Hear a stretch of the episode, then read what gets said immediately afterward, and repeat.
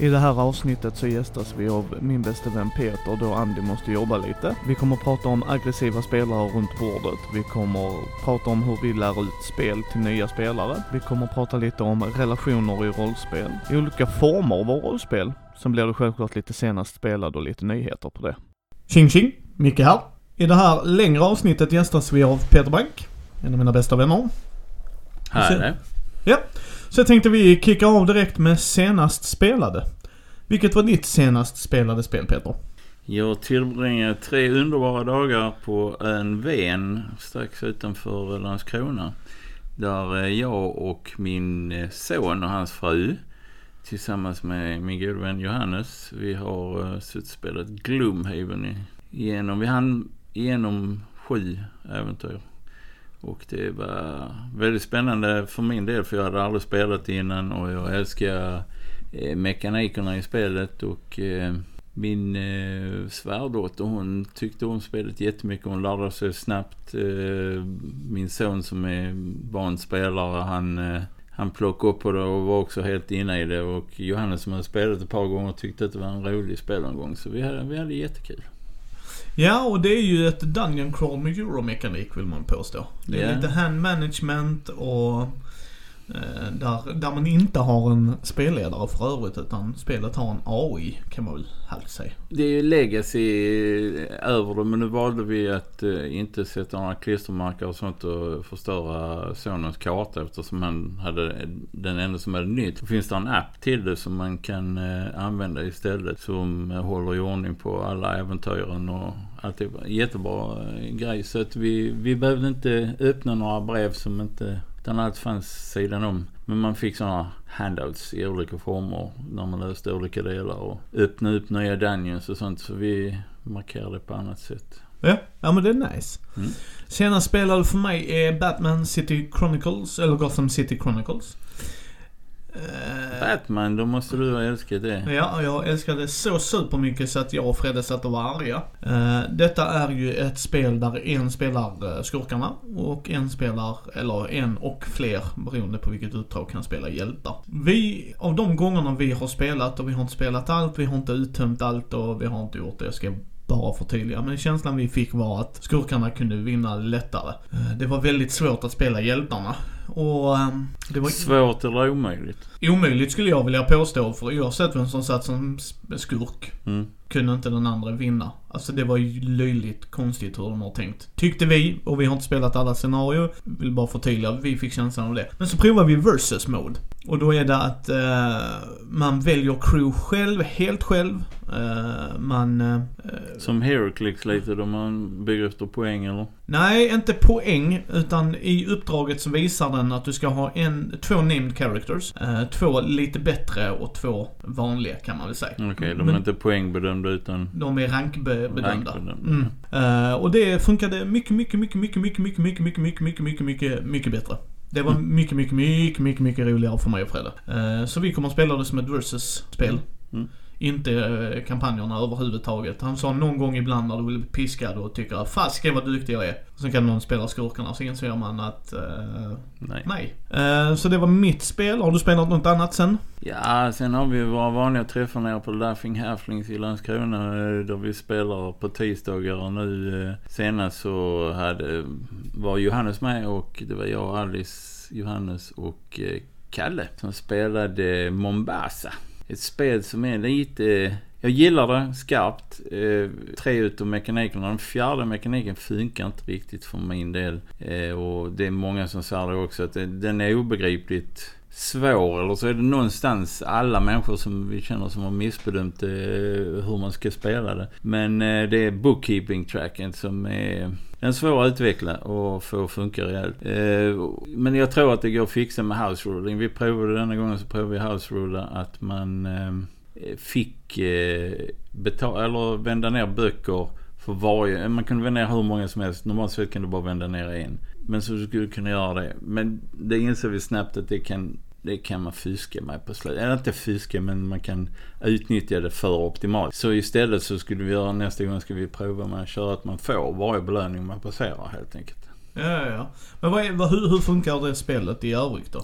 I övrigt så är det en ganska kul mix utav eh, du har area control, du har uh, deckbuilding. Nu pratar vi däck väldigt loosely för det är inte så många kort du har att välja på. Du kan både köpa sådana kort och sälja sådana kort. Eh, sen har du, eh, du ska hålla i ordning worker placement. Du har tre arbetare under vissa omständigheter kan du ha en upp till fem eh, som man placerar på olika actions. Så att det är, det är en god mm, så här blandning utav alla grejerna och eh, det simulerar då kolonialkrigen nere i Afrika.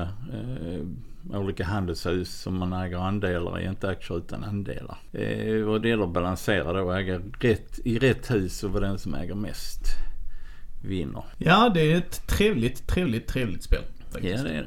Jag har spelat lite D&D. Jag var ju nere med Malmögruppen. Mm. Uh, vi har kommit längre in i Curse of Strad. Var otroligt roligt. Nu är Micke level 8 droid för er som följer det. Och uh, nu kan Micke flyga helt plötsligt, eller Reptar min karaktär. Och det underlättar en hel del. När vi skulle smyga ut på en grej liksom, kan vi gå runt? Frågar spelledaren, kan inte jag flyga runt obemärkt? Jo det kan du, skitbra, hoppa på Eh, och belöningen var örngott antar jag? Ja, nej men det funkar. Vi, vi har fortfarande vissa limiteringar, vi kan inte göra allt ändå. Men, uh, men det, det är trevligt. Jens uh, Urban och Andreas och Pumpa är fantastiskt roliga att sitta och spela med och vi har jättemysigt och roligt och vi kör ju sådana 11-12 timmars pass. Som alla rollspel så är det viktigt med personkemin i gruppen. Funkar den så kan man ha hur roligt som helst. Ja, jag har sagt det. Jag är inte så överförtjust i dd systemet eller världen men jag tycker det fungerar och de har fått mig att tycka om det mer. Jag har spelat lite mer DC Adventures, äh, rollspelet där med min tisdagsgrupp. Varannan tisdag kör vi. Äh, det är jätteroligt att se hur... Vi har Anton som är ny spelare. Vilket är jätteroligt att han får vara med där. Jag har tre veteraner som hjälper och guidar honom och har jätteroligt. Sen är det Weber, Martin Svanqvist då, Svanelid. Mm. Eh, och sen uh, Pumpa är med där också. Och uh, det funkar jätteroligt. De springer rundor och... Alltså hjältar är ju en lös term jag vill använda på dem ju. Men vi har jättekul. Alltså mm. det, det är väldigt loosey-goosey och vi bara ser, liksom har mysigt i 3-4 timmar. Så att Perfekt. Ja, så att ja, det är ungefär vad jag har spelat. Jag funderar på, har jag spelat någon bräda mer? Uh, nej, jag tror inte det. Det är mycket Batman som jag har fått ut. Ja, jo det ska jag säga. Uh, vi har börjat smygstarta lite rollspel med frugan, eller jag har. Uh, så vi körde ju Call of Cthulhus startbox. Mm -hmm. Jag har tre äventyr igen. En av dem är Choose Your Own Adventure. Den, och de andra är för en spelare och en spelledare. Och sen kan du stretcha en av dem till två spelare och en spelledare. Och sen den sista är en eller två spelare och sen spelledare. Cthulhu är en underbar värld. Jag liveplayet eh, mycket i den världen. Jag älskar den. Ja, ja, ja. Den mytosen är ju fantastisk. Mm. Uh, och nu, kära lyssnare som vet innan, jag älskar ju den mytosen. Men vi körde den första där, Own Adventure. Mm. Så jag satt och läste, men hon gjorde alla val av det. Uh, och hon tyckte det var intressant. Vi ska gå på nästa, där jag är spelledaren och hon är spelaren. Och sen är målet att vi ska bjuda in någon längre fram då som en extra spelare då. Så jag ska hitta någon som hon är extra bekväm med. För att hon är lite så här obekväm med det. Hon vet ju inte vad hon ska tycka. Hon har väl lite så här halvförutfattade meningar ju. Som man har när man inte är insatt i det ju. Men hon tyckte om mytosen. Hon tyckte om, äventyret var spännande. Och jag sa till henne, du är fan modig. Många jag har spelat med gamla veteraner blir tråkiga för att de vägrar röra grejer. Mm. För att de vet att nu kommer jag förlora sen sanity och sånt här. Men hon sket i det. Hon bara körde. Hon ville se vad det ledde. Mm. Och det gillar jag. Det gillar jag jättemycket.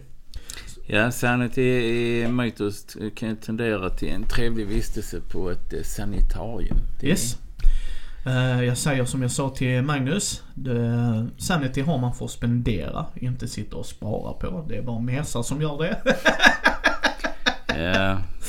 Många, många mäktiga män i rollspelslokalerna. Uh, men ja, det är väl det vi har fått till bordet den här gången. Jag har, uh, ja, jag har ju spelat en del online och uh, jag spelar minst en gång i veckan. Men ja, mycket brädspel har det blivit ju. Där är gamla som nya spel. Jag har köpt in Feast of Odin i min nya, vad kan jag säga, månadens flavor. Så att vi ska ju spela det nu här efter. Ja, det får vi göra. Mm. Nu ska vi prata lite nyheter. Mm. -hmm. Jaha. Origin Awards. Du vet vilka det är va? Yep.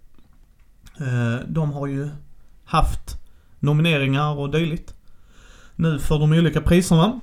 Eh, så de har ju haft för bästa spel bland annat ju. Vem, vem vann? Eh, det vet jag faktiskt inte. Ja. Eh, det har jag inte kollat än. Jag vet inte om Origins har varit än när vi spelar in det här för att det är där det avgörs. Okej. Så de har bara släppt nomineringarna innan. Eh, Här satt jag och tog på mig tuxedo och rullade ut röda mattan. Ja, okej. eh, men Root är med, Rising Sun, eh, Space Base, Roots. Everdell, Ah. Chronicle of Crime, Brass Birmingham. De har lite... Åh, oh, Birmingham. Det hoppas vi vinner. Heja, heja, heja. Eh, Gizmos, också Pulsar 2849. Nej, där vann det spelet jag inte hört talas om. Eh, och det är brädspel och där finns massa olika inom brädspelskategorin och vi kan inte sitta så här. Men eh, Origins Award var ju väldigt annorlunda förr. För då kunde alla bara gå in och rösta. Och då kunde man bli mutad. Ah. gick ryktena om att Gå in och rösta på vårt spel så får ni det här spelet gratis. Woo! För att. Eh, Men det, det var ryktena förr. Nu är det inte så alls. Så förr så litar väl inte folk på Origins Awards så mycket. Nu har de blivit bättre. Så att, Okej. eh, och för er som inte vet det, Origins är en spelmässa i USA. Japp. Ja.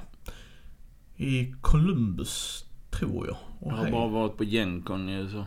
Ja, jag har varit på Gencon två gånger. Eh, men, eh, ja. Ja, jag har varit på Comic Con också i eh, San Diego. Eh, sen fanns där, sen hade ju Phoenix Awards. Fen- speltidningen Phoenix. Mm. De hade ju några som de, eh, man kunde gå in och rösta på och sen nomineringar och dylikt. Um, Vår stolta svenska tidning. det är all heder till Tova och Anders. Ja. Eh, så att där, där kan man gå in och rösta också. Uh, Fummelpodden och uh, Fria Ligan fick för bästa samtalspodd. Fria Ligan fick så här, signaler från zonerna. Fick guld och eh, Fummelpodden fick silver. Eh, så grattis till dem. Grattis, grattis. Eh, sen fick Kult, den nya, en hel drös av priser. Eh, sen Gabrielle de Bourg fick för bästa talesperson tror jag fick hon eh, guld för. Grattis till dig. Nu så här retroperspektiv. Är kult? Vad, vad är det med Sverige och kult? Vi gillar de här dystopierna. Ja, nej men Kult det är ju extra trevligt. Eh, Det är ju Helmgast som har gett ut det. Mm. Eh, Och nu i Bubblare 18 så kan ni höra faktiskt med de som gjorde Kult. Eh, Coolt. Mikael och Gunilla. Sen kommer det ett nytt eh, Boulders, nytt dd bok såklart. Dungeons and Dragons femte editionen. Och nu kommer du kunna vara i Boulders Gate. Kommer gå... Ja, det har jag spelat väldigt mycket i olika iterationer. Det, det, det har jag ju hade kanske lite närmare kontakt med än dig. För jag var ju, är ju lite äldre, måste Ja. vi påpeka. Jag är 55.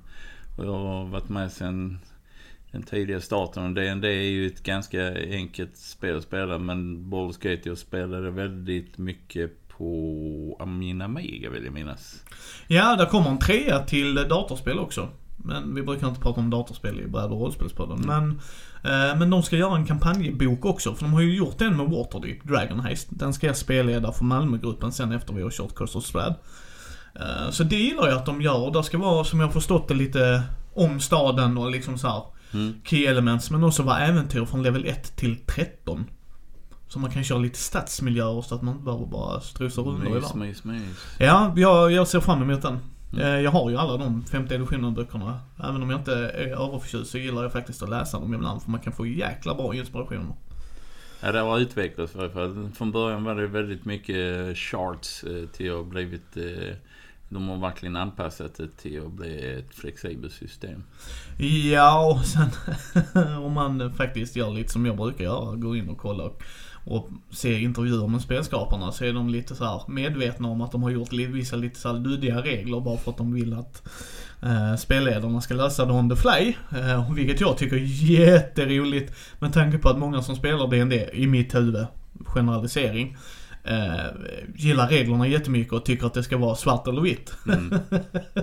Och självklart, det är beroende på spelare och spelledare såklart. Men när man tittar på den amerikanska mm, scenen tänker jag mer för att de har ju sådana här Adventure League och tävlar i rollspel och så man, jaha okej. Är det fortfarande eh, de som gjorde Magic som äger det? Ja, ja, Wizard of the Coast äger det. Precis, precis. WizKids.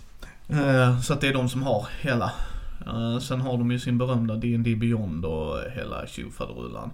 Men eh, böckerna gör de bra. Det Mm. tycker jag. Jag tycker fortfarande de är lite överpriserade. 400 spänn för en bok men... Då vinner de priset för uh, vår gemensamma Favis-rollspel då. Ja, ja alltså jag tycker det är helt okej. Jag älskar ju Call of Cthulhu. Mm. Så jag längtar ju tills den kommer på svenska. Kalle, Kalle, Kalle. Mm. Eh, sen kommer Shadowrun. Ja, den har jag haft lite, lite kontroverser med. Vi spelade kort tag precis när jag blev indragen i hobbyn överhuvudtaget. Och eh, jag, det som drog in mig var väl där att man blandade så två eh, med magi med eh, cyberpunk. Det var... Ja, precis. Fantasy med Cyberpunk, precis. Och jag har hört att de reglerna ska vara en mother effer att gå igenom. Alltså att det ska vara en eh, bäst att gå igenom.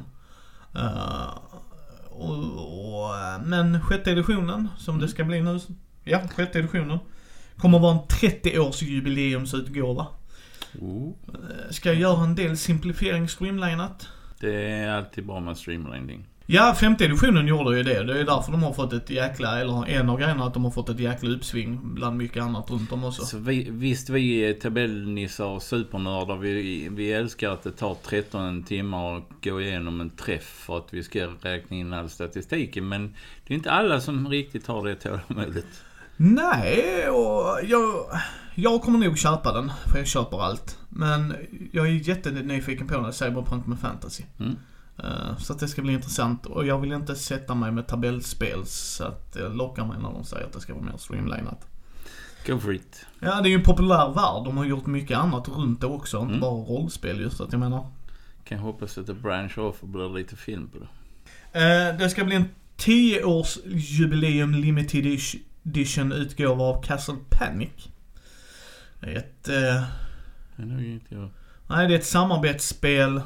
Nybörjarvänligt, väldigt nybörjarvänligt. Du, Okej. du ska, det är Tower Defense kan man väl säga. Så du har Mm. tornet i mitten och så kommer det orker och gobliner och sånt från alla håll och kanter. Som brädspel. Som brädspel, ja det är brädspel. Intressant. Ja, eh, jag sålde av min kopia. Eh, sådär för att jag jag får inte det till bordet, simplare än så är det inte. Eh, men det är bra. Det är ett bra, trevligt nybörjarspel.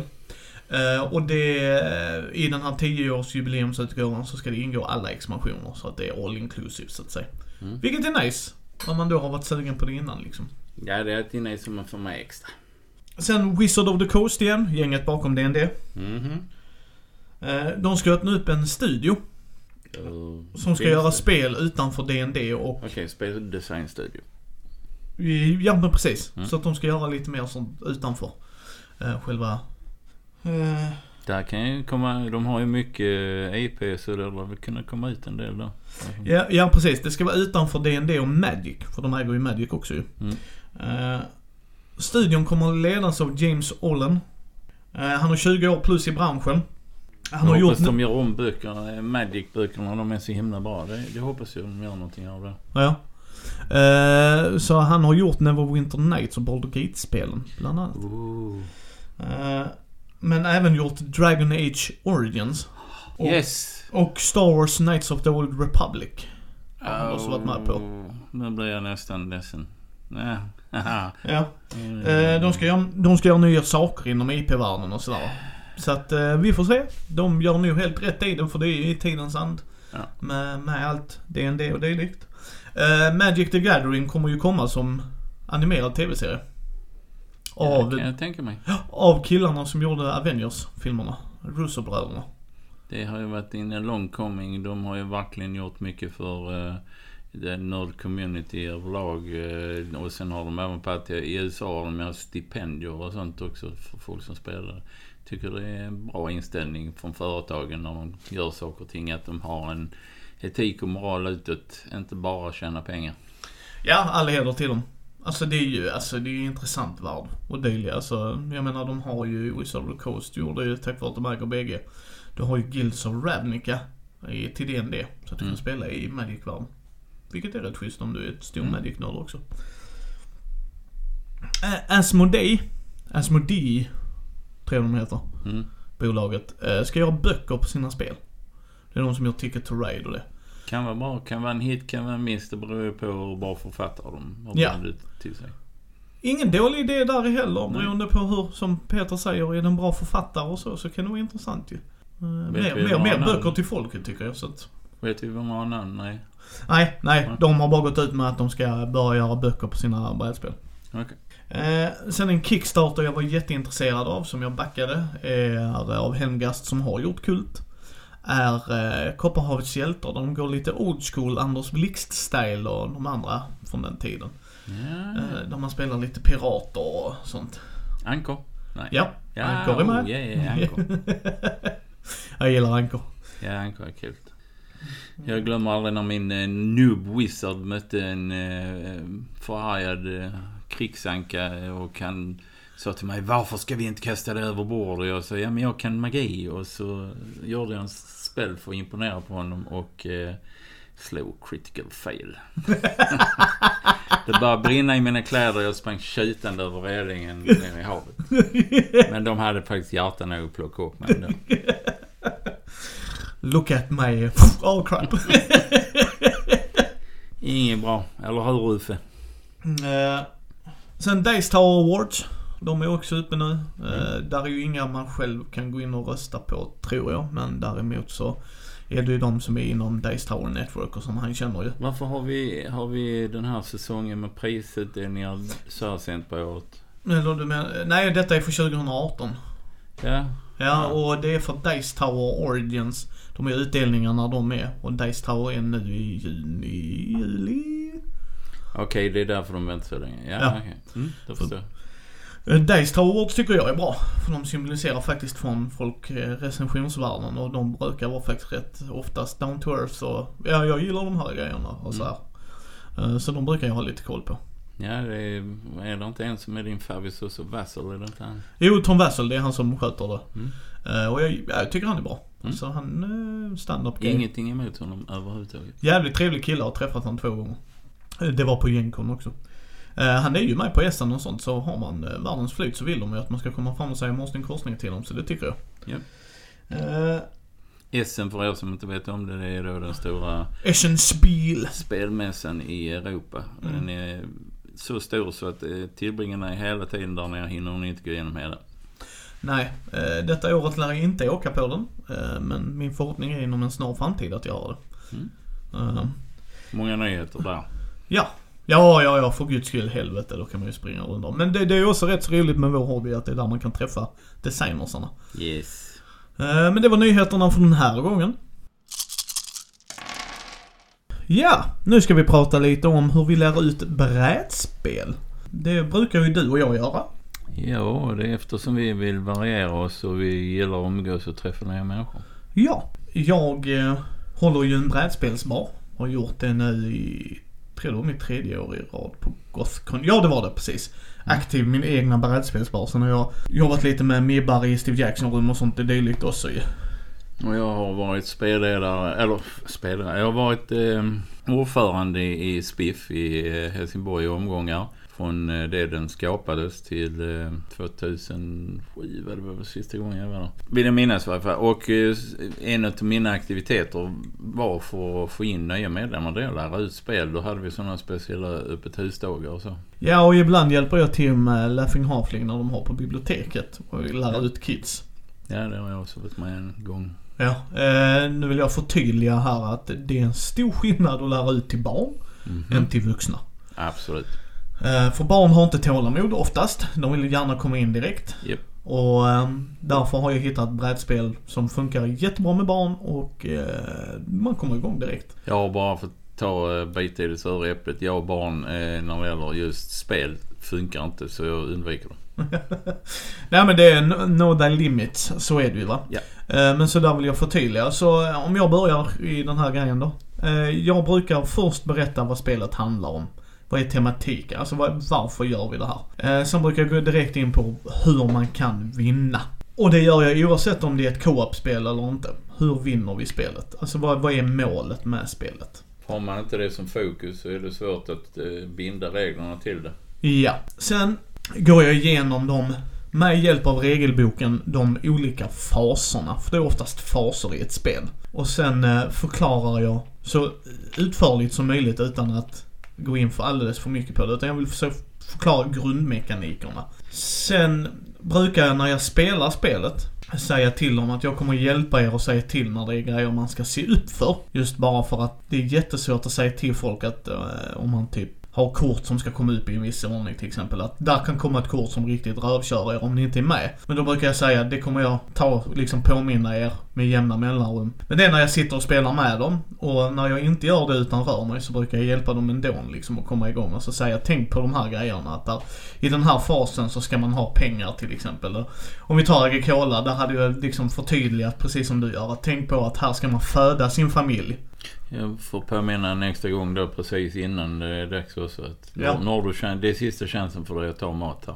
Ja, ja men precis. Och det, det, det är det man gör va. Så att jag, det är det jag försöker göra. Det är nu, nu är Micke, nu är Micke konvents-Micke här. När Micke är hemma så kör jag ungefär samma stuk, men då sitter Micke oftast med hardcore gamers. Och då går det så mycket smidigare när jag sitter och förklarar reglerna för Fredde, för att, eller för Peter, för att vi är så Great mind thinks alike. Så att eh, Peter kan förklara en grej för mig. Så bara, är det som det spelet? Ja, bra. Gå vidare till nästa. Eh, men så, så gör ju inte vi när vi träffar nya människor, utan då får vi ta ner den nivån va. Eh, och jag är alltid tydlig med när jag berättar. Är det något som är oklart, ställ frågan direkt. Där är inga dumma frågor, bara dumma svar. Jag har spelat mycket. Jag kanske förstår det, ber om ursäkt om jag är mig otydlig. Så förklara gärna liksom sådär. Eh, och det, det kan jag säga, det brukar hjälpa. För då brukar de förstå liksom att oj, han är på en annan nivå än jag. Så att kom igång liksom med det. Kan jag så brukar jag visa en exempelrunda.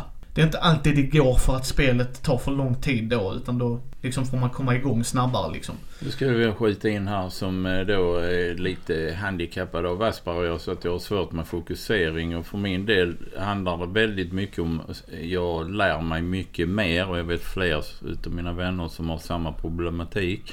Att vi lär oss mer utav att göra än att höra. Pre precis. Och det är det jag försöker göra. Medan jag gör det, alltså jag visar, jag bara inte förklarar. Utan då brukar jag göra så här. Till exempel så här fungerar en runda, exempelvis. Mm. Det här kortet kommer kunna komma upp, den här grejen kommer hända. Vi gör det här. Och återigen, eh, vi ska särskilja när jag sitter hemma med polarna för då kan vi oftast, vi sätter upp spelet, jag kommer visa, boom, vi kör. Och sen brukar vi köra om om det går snabbt. Nu kör vi en till, nu har ni lärt er mekaniken. Eh, Men det kan vi inte alltid göra med folk som inte spelar så mycket spel. Två grejer som jag väger in när jag bedömer är för det första, jag har rangordnat in de flesta spel jag äger i eh, ett par olika kategorier och då är nybörjarkategorin att föredra också när man lär ut till nybörjare. Börja lära er de enkla mekanikerna i spelen, spela några sådana så ni får lite vatten under eh, fenorna och kan simma själv. Sen så kan man gå vidare till mer avancerade. Nummer två, vad som gör ett bra spel är om det är bra player aids i, inbyggt i spelet. Antingen genom en form av någon kort som visar alla handlingar man kan göra på ett enkelt sätt och har klara och tydliga ikoner. Ett, ett av de eh, spelen vi tagit upp här innan idag är eh, Santa Maria som är ett excellent som har all legend utskriven på eh, spelbordet. Så att du klart och tydligt kan se vad det är du kan göra. Du hittar de referenserna hela tiden du behöver. Nybörjare som jag har tagit upp det spelet med, de, de fattar det spelet så snabbt och det är ett excellent spel. Ja, nej, men precis. Så att sen ska man spela ett långt, alltså för problemet är det att jag, eller inte problemet. För min grupp funkar det inte att jag skickar ut en video, titta på den här. För att man måste göra, inte höra grejen. Mm. Håller jag helt med om Peter, för sån är jag själv också. Jag kan titta på en sån när jag ska välja om jag ska köpa spelet. Och, vi, och när jag ska lära ut spelet kan jag också göra det liksom. Eh, bara tänka, är det något jag har missat så kan jag gå in. Thomas Konradago Engström gör det väldigt bra. Så har han gjort det så brukar jag gå in och titta på honom. Och så bara, ah, crap, jag missade en regel. Okej. Eh, och det kan jag säga till folk också att regler händer det att man missar. Ju mer komplext spelet är så kan man glömma grejer. Jag försöker där, det är därför jag använder regelboken när jag lär ut. Att jag går igenom, vad har vi i faserna? Så här ser det ut i denna fasen. Och så vidare och så vidare. Och sen följer jag så som regelboken lär ut det. Eh, däremot så istället för att de ska sitta och läsa veck av text så förklarar jag det och visar med exempel. Det är ungefär så jag strukturerar upp det. Eh, och det brukar fungera. Och jag håller med Peter. Är du nybörjare så kör jag nybörjarspel. Eh, Ett av de nybörjarspelen jag brukar köra är eh, Seven Wonders för att då ska de lära sig drafting. Efter det så kör jag Dominion med dem så att de ska lära sig deckbuilding-konceptet. För de gör det exemplariskt de två grejerna. Så då kan jag göra det när jag säger att nu ska vi drafta ett Terraform med Mars. Ah, du menar som i Seven Wonders? Ja, skillnaden är att du inte spela ner kortet utan du väljer om du vill köpa det sen. Men ja, den mekaniken. Mm. Eh, sen är det ju självklart personer som kan djupdyka och sådär. Och det gäller ju att känna personen man är med. Självklart. Men nu pratar vi generellt sett. Vissa... Då, kan man, då kan man låta dem, när folk inte förstår, för det är också ett problem när man förklarar, när folk inte förstår en så är det rätt bra om det finns en sån person också med i, eh, att man kan be den personen förklara det också. Så får man höra ett, att han har uppfattat rätt och två, han får uh, hjälpa till att förklara på, från en annan vinkel. Ja, och sen är jag övertydlig. Liksom, hänger ni med här? Och så var någon där bara, ah, lite osäker. Nej, det är lugnt. Då tar vi om det. Vad var det du inte hängde med Mm. på? Ja, den biten. Okej, då förklarar vi. Sen har jag haft folk som inte har accepterat det runt, men då har jag tydliggjort att eh, det är helt okej. Eh, liksom passivt sagt det kan man väl säga, liksom inte tagit konfrontationer. Men då har jag tydliggjort att det är okej att henne inte förstår. Nu kör vi igen. Mm. Så det är liksom det. Och när jag lär ut på konvent så säger jag alltid till dem, här har ni regelboken. Hojta till om ni vill ha hjälp. Så ska jag hjälpa er så mycket som går. Annars är den där så kan ni referera till det. Stor del av en bra, du är en bra eh, människa på att lära ut eh, spel är att ha tålamod. Och jag brister lite grann i tålamods eh, biten och, och min hjärna har en tendens att hoppa. Jag tyckte det var så tydligt det jag förklarade så jag hoppar gärna. Så att ibland blir jag missförstådd när jag förklarar spel så jag överlåter det gärna till andra. Men eh, jag har lärt ut ett x antal spel i mina dagar. Ja men precis och jag tänker vi kan kombinera lite det vi ska, så vi slår ihop eh, det här med videogenomgångar faktiskt. Så vi kan övergå till det här lite nu om eh, om du känner dig färdig med just det vi lär ut. Eh, jag tittar jättegärna på videogenomgångar av två anledningar. Mm. Ett, jag förstår när de gör en recension på vad de pratar om. Två, jag får se om det är ett spel för mig. Eh, vissa spel är jättesvårt, alltså där, vissa spel har jag velat. Liksom såhär, ska jag köpa det, ska jag inte? Det, jag vet inte, den här gjorde mig mer sugen men det är vissa grejer jag inte gillar. Eh, Thomas Konrad Agger Engström som har varit med här i podden ett par gånger och kommer ni höra mer av också ju. Eh, han gör det jättebra för han ger en kort synopsis. Liksom, det här är ungefär hur spelet fungerar. Vill ni inte se hur spelet fungerar så hoppa till den här tidsmarkeringen så får ni höra vad jag tycker. Eh, jag kollar alltid igenom hela för jag tycker det är jätteintressant. Eh, sen det är vad jag använder dem till och sen använder jag dem också till när jag väl har spelet att lära mig. Alltså att kolla igenom. Jag läser igenom reglerna. Sen kollar jag på den. Ah, jag missade den detaljen. Jättebra. För de, de som jag tittar på är väldigt duktiga med att säga Tänk på det här. För vi missade det här. Eh, som Thomas, en Watch It Played by av Rodney Smith, kanadensaren, kanadiken. Mm. Han gör en jättebra, det är ju vad han, han gör. Han gör ju inga recensioner utan han gör ju spel genom, alltså regelgenomgångar. Nu är jag jättedålig på namn men jag brukar ju titta ganska ofta. För vad som jag använder det mest de här videogenomgångarna är när man kommer, får spara in tid. För vissa spel har en tendens att kunna bli riktigt långa. Eh, även i dagens Eurogames. Och eh, när man då åker långt som jag gör ibland till Ängelholm, ibland till Landskrona. Så vill man inte spendera ytterligare tid med att sitta ha jättelånga regelgenomgångar. Så då är det en fördel om alla som är med har tittat igenom. Inte för att lära sig helt reglerna enligt videogenomgången men för att ha så bra förståelse att när den här personen går igenom att det smidigt går in. För man har en hum om dem i varje fall. Ja men det kan jag hålla med, det kan jag förstå. Det kan jag förstå. Eh, Jag vet att Fredde, eh, en annan bästa vän till mig, han brukar ibland titta och sådär. Mm. Inte alltid, han läser igenom rätt mycket själv också och sådär. Uh, Tom Wassel gör ju inte, han bara förklarar snabbt. Mm. Eh, vilket jag tycker är helt okej för han är tydlig med det. Liksom det här är ingen regelgenomgång. Jag bara visar er och sen så kan ni förstå vad jag säger sen när jag står och säger det. Eh, jag tycker det är ett bra verktyg att använda. All Ja, heder till de som gör det. Ja, För tycker vi regelboken är en... Men då- Mhm. Eh, Så ska man ju också komma ihåg att de tycker också det oftast. Ja. Men då ska de strukturera ut det för att lära ut det. Så de måste jobba dubbelt så mycket. som- Yes. Medans eh, jag behöver bara klicka på deras video sen har de löst det problemet. Ja, det Eh, och där kan jag ju säga Monolith Games ska ju ha en käftsmäll för det. Det är de som gjorde Batman Gotham City Chronicles. Den regelboken är vedervärdig med tanke på att den är översatt från franska och vissa meningsutbyggnader där blir lite annorlunda. Och i ett figurspel så blir det, så bara, nej vi ska inte, det här är inte öppet för tolkning. Eh, och så gjorde de en video. All heder till er som gillar Frankrike. Jag har jätteproblem med att höra fransmän prata engelska oftast. Eh, jag har det tyvärr. Så då ska de sitta och förklara reglerna för att hjälpa mig. Men då sitter jag där och jag hör inte vad karln säger. Så då är det en annan kille som Board Game Coffee tror jag de heter. Han gjorde det jättebra. Jag har kollat lite andra videos. Så jag började följa han efter den.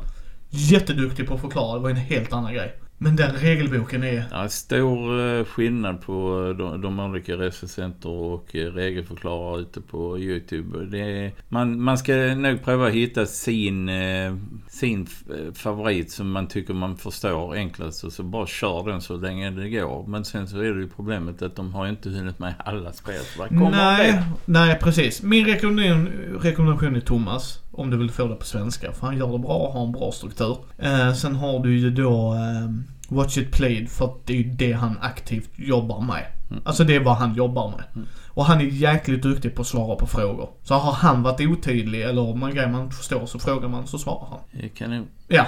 Eh, så att jag tycker det är en stor plus. Jag tycker det är en bra grej för hobbyn. All heder till de som gör det. Det är därför jag gör det lite med rollspel när vi nu gör shoutout så vill jag bara passa in en snabb inflikning som gammal brädspelare som har varit med ända sedan Avalon Hill-tiden. Så kudos till er som jobbar på Avalon Hill. Ni gjorde mitt liv så mycket lättare. Kommer du ihåg Nintendo-klubben? Nej, jag, ja, jag, kunde... sonen var med men inte jag. Nej, nej, man kunde ringa in. Och hade du kommit längre så frågade de dig. väl... Ja, nej men så all, all heder till de som gör videoproduktion och allt det där. Mm. Um, så att ja, jag, det är därför jag gör det med rollspelen bland annat. Att jag vill ge en liten grundförklaring för reglerna, hur det fungerar så att folk kan vara beredda på det. För mm. att det, allting handlar ju om när man ska konsumera en grej och jag tycker det är fantastiskt bra när man kan få lite tips, tricks och se hur, det här var ju liksom inget för mig. Och sen har vi ju alla som gör också då preview som inte är regelgenomgångar. Man kan ju titta på sådana också, reviews. Där finns ju alla ja. sätt. Där är unboxing oh ja, oh ja, och så vidare. Ja, unboxing. Sen har du ju när företagen faktiskt har uh, tagit tummen loss och mm. faktiskt gjort grejer. Det gillar jag också när de själva. Alltså kudos till Monolith att de försökte förklara reglerna. Problemet var att det var en fransman som pratade engelska. Ja. Så, adjacent, det blev adjacent och så man bara, menar han adjacent? Han måste mena adjacent här. Ja. Det, det blev liksom en språkskillnad ja. och det var lite synd. Men eh, då gjorde de det och vad jag förstod där med han Board Game Coffee killen. Eh, så hade han ju nära samarbete med dem att han ställde direktfrågor till dem. Så då mm. funkar det ju skitbra. Mm. Så eh, ibland använder jag det när jag lär ut spel till polare. Aldrig när jag lär ut på konvent för det finns inte en fet chans i helsike. Min vision hade ju varit om jag hade kunnat ha en projektor eller en stor skärm där att man skulle kunna ha sådana grejer i bakgrunden. Ja, se nu tänker du på framtiden. Eh, men det är ju jättesvårt att göra det på Gothcon kanske. Ja. Så att men, ja. så, så, så, är, så är det. Uh, så det var våra tankar hur vi lär ut spel. Liksom, uh, alla sätt är bra utom de dåliga som vanligt. Det är lite individuellt och vilka man spelar med ska man ju inte glömma, alltså man får ju aldrig glömma det. Där är vissa som vill läsa regelboken, punkt. För att de fungerar inte med att du visar utan de vill läsa allt. Och eh, för att gå till snabb där, eh, barn, jag som sagt gillar inte lära ut för, för jag blir irriterad när de inte pay attention fast jag själv har attention-problem. Så eh, vill jag säga att det finns inget roligare än att förklara ett spel för barn, spela med barnet och sen låta det barnet lära ut till ett annat barn och lyssna på det. Ja, det är, ja, det är fantastiskt. Och som sagt med barn, så, ja, vad gör jag med barn? Jo, jag förklarar spelet så snabbt som möjligt. Och där ja. visar jag jättemycket. Ja. Och sen kör man igång. Uh, och det är det jag har märkt. Alltså där, där ska du inte sitta och gå igenom reglerna utan då är det bara så här kommer det fungera. Bom, bom, bom. Och sen får man vara med och spela. Det kan jag säga är jätteviktigt i början. Uh, och hålla koll på så att man blir spelledaren inom situationstecken. Sen rollspel. Om vi ska gå lite snabbt in på det. Jag tänkte bara en snabb ja. grej till där. Eh, folk som är, ni som tar, eh, nu lyssnar på den här podden och aldrig kanske någonsin i hela ert liv inte ens spelat Monopol eller någonting sånt. Var inte rädd för att spela ett spel och, för, eh, och fejla för att ni inte ni känner att ni kan inte och ni har aldrig hållit på med det och ni förstår inte liksom knappt ens poängen. Passa på att vara med för att där är ingen som tycker mindre om er för att ni spelar och förlorar. Huvudsaken är att man är med och lär sig för att det är så mycket grejer man kan lära sig från spel. Allt från historia till matematik och så vidare. Var aldrig rädd för den delen och sen finns när ni är med människor som är beredda att lära ut så mycket och jag så, så är det ingen fråga som är dum. Nej, det, det säger jag. Jag är jättetydlig med det. Ja. Det är inga frågor som är för dumma. Det finns bara dumma svar. Ja. Om jag är otydlig, förklara igen. Och då brukar jag ofta säga att jag spelar jättemycket spel. Så för en logisk grej för mig är inte logisk för dig. Eh, sen rollspel, om vi ska gå lite så här snabb passus på det. Eh, är, ehm, där eh, lär jag det första gången man sätter sig och gör karaktär. Då förklarar jag grundmekaniken. Sen går jag igenom Eh, sen brukar vi köra så här första, om vi tar stridssystem, det är ju rätt vanligt i rollspel. Då går vi igenom stridssystemet i första striden. Och sen kommer man igång med det. Nu ska det också vara en brasklapp här. Jag har spelat rollspel länge och de jag spelar med har spelat länge. När vi har en ny så tar vi det ett steg simplare. Då, då drar vi ner den notch. Det är jätteviktigt att man lär sig sina egna styrkor och svagheter. Det är väldigt lätt att man blir hemmablind. Det är inget fel att man blir det. Jag lägger ingen skuld på er för att jag har varit sån. Ja men det är väl självklart att man vet vad drafting är. Så bara, nej, det är inte det. Samma sak i rollspel. Ja men jag har ju alltid kört med D20-system. Ja, han har bara kört med D6 -or. Han har inte din referenspunkt. Eller han har aldrig spelat det. Nej. Eh, däremot när du väl kommer in i det, eftersom jag älskar att spela nya grejer och Peter vet det om mig, att jag älskar att prova nytt. Samtidigt som jag har inga som helst problem att gå tillbaks till favoriter. Jag tycker det är spännande att prova en ny grej och prata om nya grejer och att jag har det drivet. Eh, och då, då blir det liksom väldigt lätt för mig, eh, eftersom jag lär ut brädspel också, att förstå att det är jättedumt att bli hemmabilden. Så när vi sätter oss och gör karaktärerna så förklarar jag vad är vikten av valen ni gör nu, rent spegel, spelmekaniskt. Sen ska folk också komma ihåg att jag är aldrig rädd för husregler. Jag är aldrig rädd för att inte rulla tärningar. För mig är det jätteviktigt att vi har roligt runt bordet. Men då måste man också komma ihåg det när man lär ut. Mm. Att man säger det. Att nu spelar vi inte rätt. Folk glömmer ju det med Monopol till exempel. Monopol spelar inte folk rätt. Nej, Och det gör man för att man har blivit lärd. Precis. Men det spelet är alldeles för långt om man spelar med husregeln. Att man, eh, free parking, där ska man lägga pengar. Nej, finns inget. Finns inget sånt. Free parking menas att du inte betalar för något bara. Men till exempel, och då är jag noga med att säga, i normala fall så använder man det, och det gör jag i brädspel också. I normala fall så draftar man inte. Vi väljer att drafta. I rollspel, i normala fall gör man det här. Vi väljer att inte göra det här. Mm.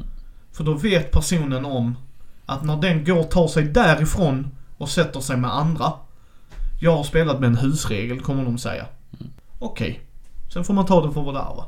Sen bedömer vi alla olika. När det gäller rollspel så känner jag att det finns folk som är från de som är nitiska Sheldon-typer som måste följa till punkt och pricka varenda regel och varenda uppskrivet på nätet extra ad från företaget.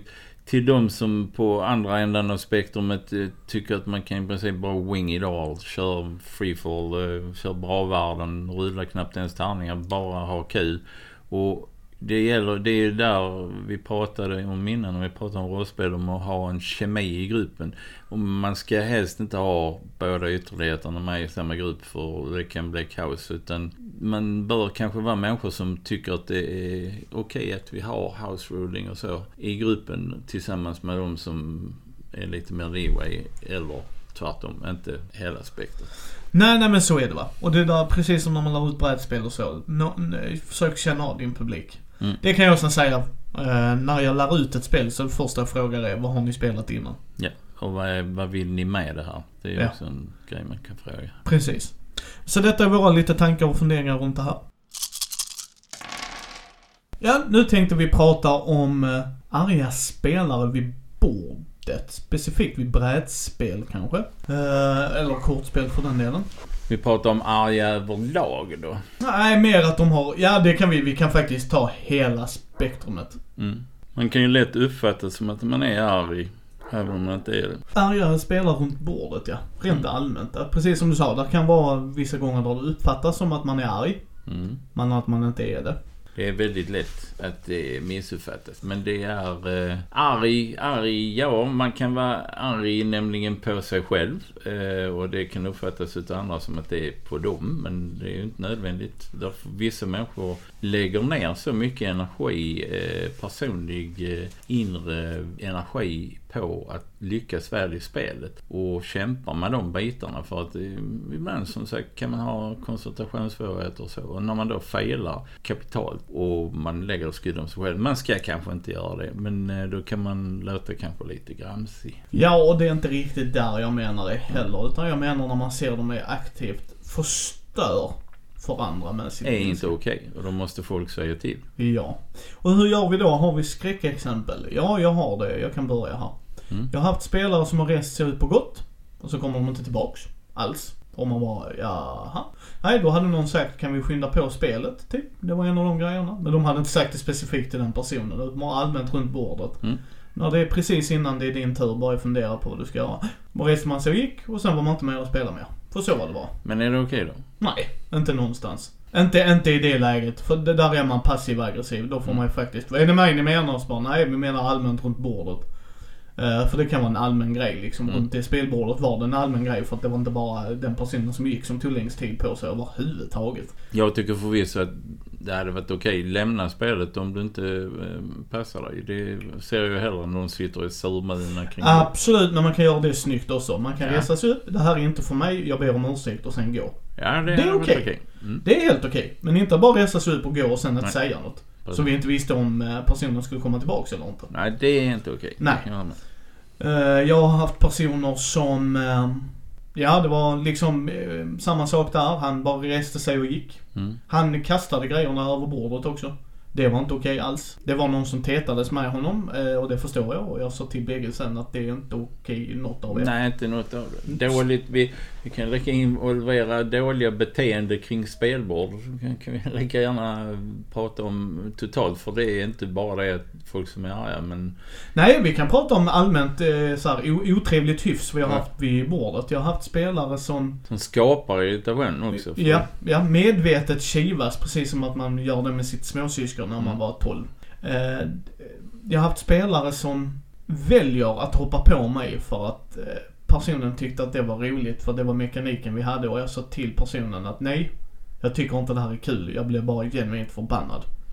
Nej, inte, inte om det sker på det sättet. Det påminner om, tänker inte säga några namn, men eh, om det här personen som jag har spelat med och slutat spela med för att personen kom till spelbordet och man kunde nästan se det första som hände att han kopplade in någon form av radar. Okej, det här är den svagaste personen rent psykiskt. Nu kommer jag bara attackera och eh, jävlas med den personen.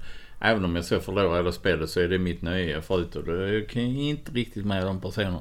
Nej, det kan inte jag heller. Och det, det kan jag säga, jag har haft spelare runt bordet som har kastat grejer på andra i avsikt att skada. Mm. Eh, visst, det är stundens hetta och de har blivit, ska också säga att de har blivit pressade av den andra. Det är inte att det har byggt upp långsamt utan att de har blivit hånade, de har blivit förlöjligade. Eh, alltså verkligen, alltså Mm. mobbing rent ut sagt, det kan jag säga att det kan upplevas som. Och då har den personen skjutat grejer, alltså för att skada. Eh, Då har jag inte varit arg på personen som kastar. Det är inte rätt att de kastade. Nu, här får ni ju, det är ju situationsbaserat, ni var inte där självklart. Det här är ju min version av det. Eh, Men då pratade jag med den andra individen och jag kan bara säga att det bästa sättet att ta hand om eh, rövhattar vid bordet är att kommunicera. Är rätt upp och ner. Det är jättejobbigt. Det är en jättesvår situation oftast. Men jag är jättetydlig med att jag kommer att spela brädspel och rollspel för kul, inte Mm. för att sitta med någon jävla drama. Jag vill inte ha onödig drama runt bordet överhuvudtaget. Och vi kommer tycka grejer är olika. Jag har haft spelare som har gjort dåliga drag och vilket jag har kunnat kapitalisera på. Vi körde Vampire den Tunnel Struggle. Mm. Jag ska blöda honom för er som inte vet hur det fungerar. Det är Vampire från World of Darkness. Det är ett kortspel där man... Vi brukar oftast vara fem spelare. Men det, det är i alla fall inte två spelare, det är mer man ska vara. Och så gäller det att man, man kommer att bli jagad och man jagar. Eh, och då gäller det att man bygger upp sin styrka av vampyrer. Jag väljer att jaga en individ och så ska man då, för att eh, din resurs för att få ut vampyrer är också din liv, alltså liv total. Eh, och jag väljer att blöda den killen på ett. Han blockar. Okej, det är helt okej. Han kan blocka den här handlingen och då går vi in i strid. Hans klan vill inte vara i strid. Min klan ville vara i strid. Jag körde Bruja.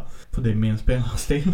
Det slutade så illa att hans största vampyr blev torpad, alltså dog av min mellersta.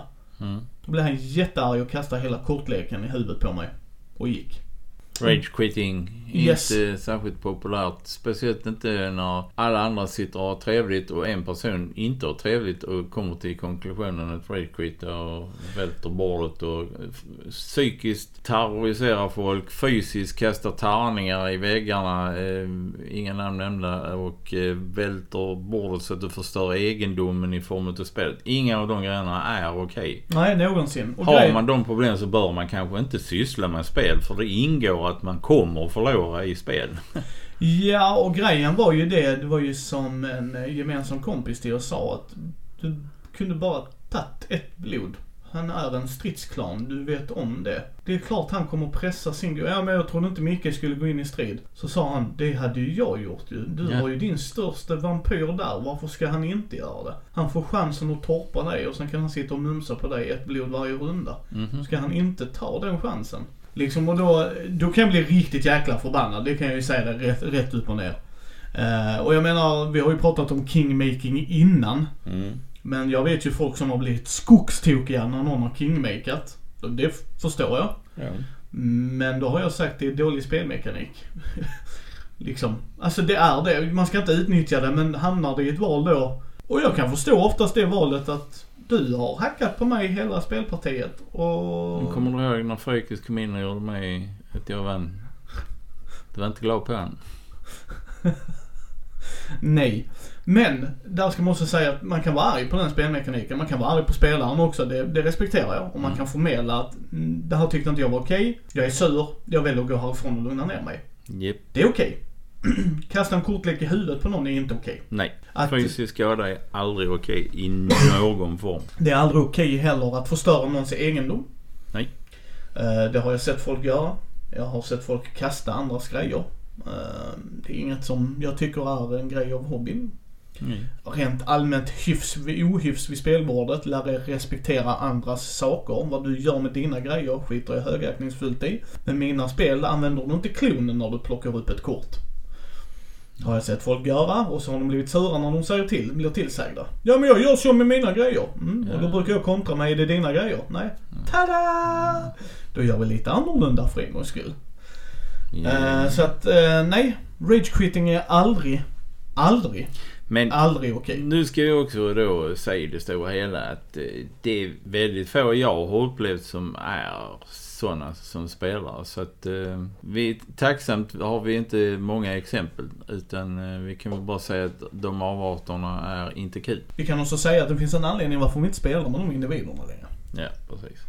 Så att det blir ju det va. Så mitt bästa tips. Prata om det. Eh, prata om det i grupp. Mhm. För den andra individen att förstå. Förstår inte den andra individen. Gissa vad? Sluta spela med den individen. På fullaste allvar. Kan ni inte få det att fungera så ska ni inte offra ert nöje för att göra en glad. Och samtala med människor löser tyvärr inte alla problem. Det är en väldigt bra eh, väg att gå. Men tyvärr löser inte alla problem alltid. Det gör det inte, men det är en rätt riktning att gå för inser man att den här individen vill inte lyssna på oss. Så då, snipp snipp, bye bye. Mm. Eh, men ja, jag har varit med om det mer än en gång. Och jag har tagit konflikten varje gång och sagt det här är inte okej. Det här är inte okej alls. Detta är inte ett trevligt sätt att spela på. Nej.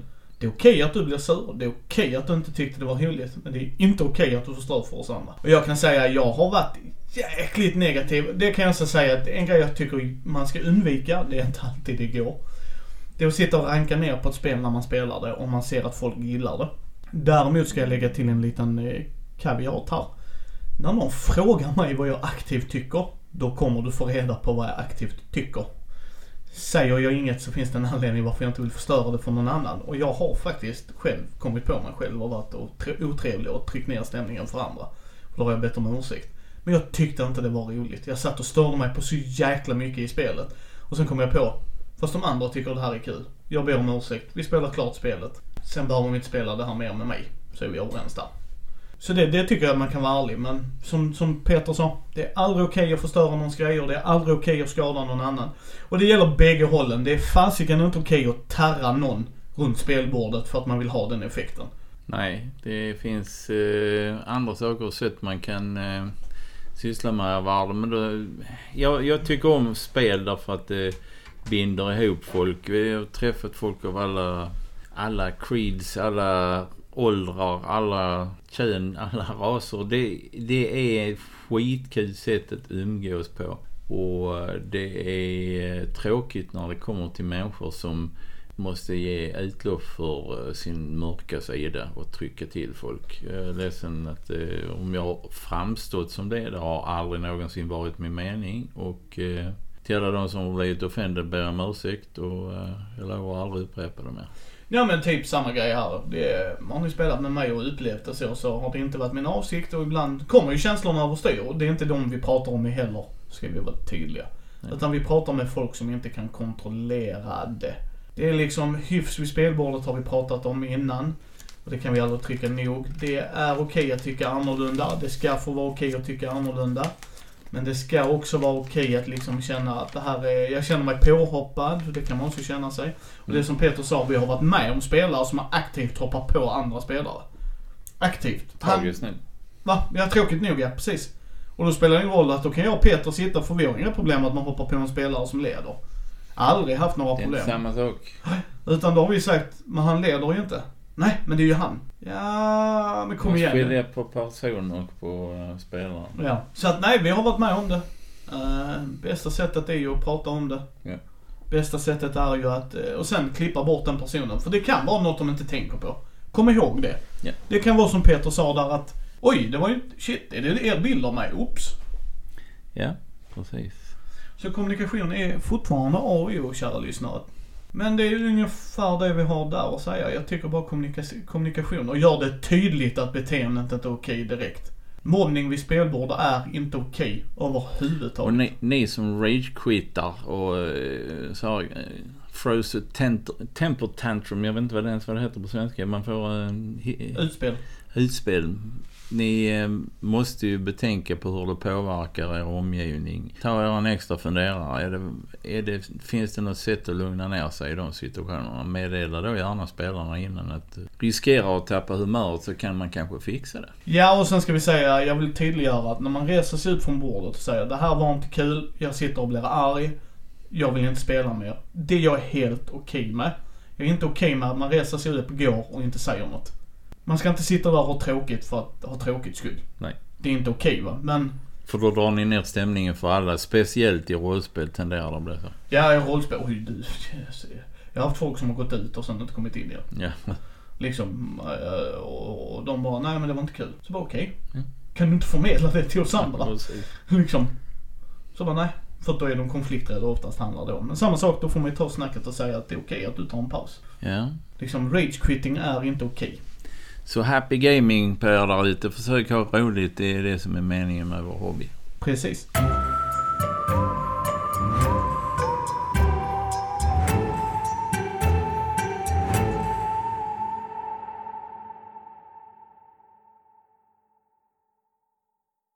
Så ja, då ska vi prata lite om eh, relationer i rollspel, alltså mellan karaktärer och eh, NPCer, alltså de som spelledaren spelar. Och relationer, liksom sex, samlevnad, kärlek, allt sånt. Alltså att man gör det mer intimt, mer personligt. Det är ju svårt att göra.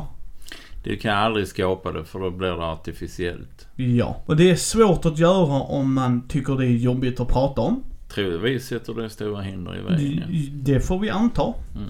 Jag har lyckats många gånger väldigt bra med vissa grejer. Jag har lyckats, eh, om vi tar relationer då, att eh, ha spelare och spelat deras syskon eller familj och fått dem mer levande. Men det känner jag, det, det är något som folk inte har ett stort problem med. Det är en, en sån relation, syskon, fader, son, whatever. Det har jag varit med om många gånger i rollspel.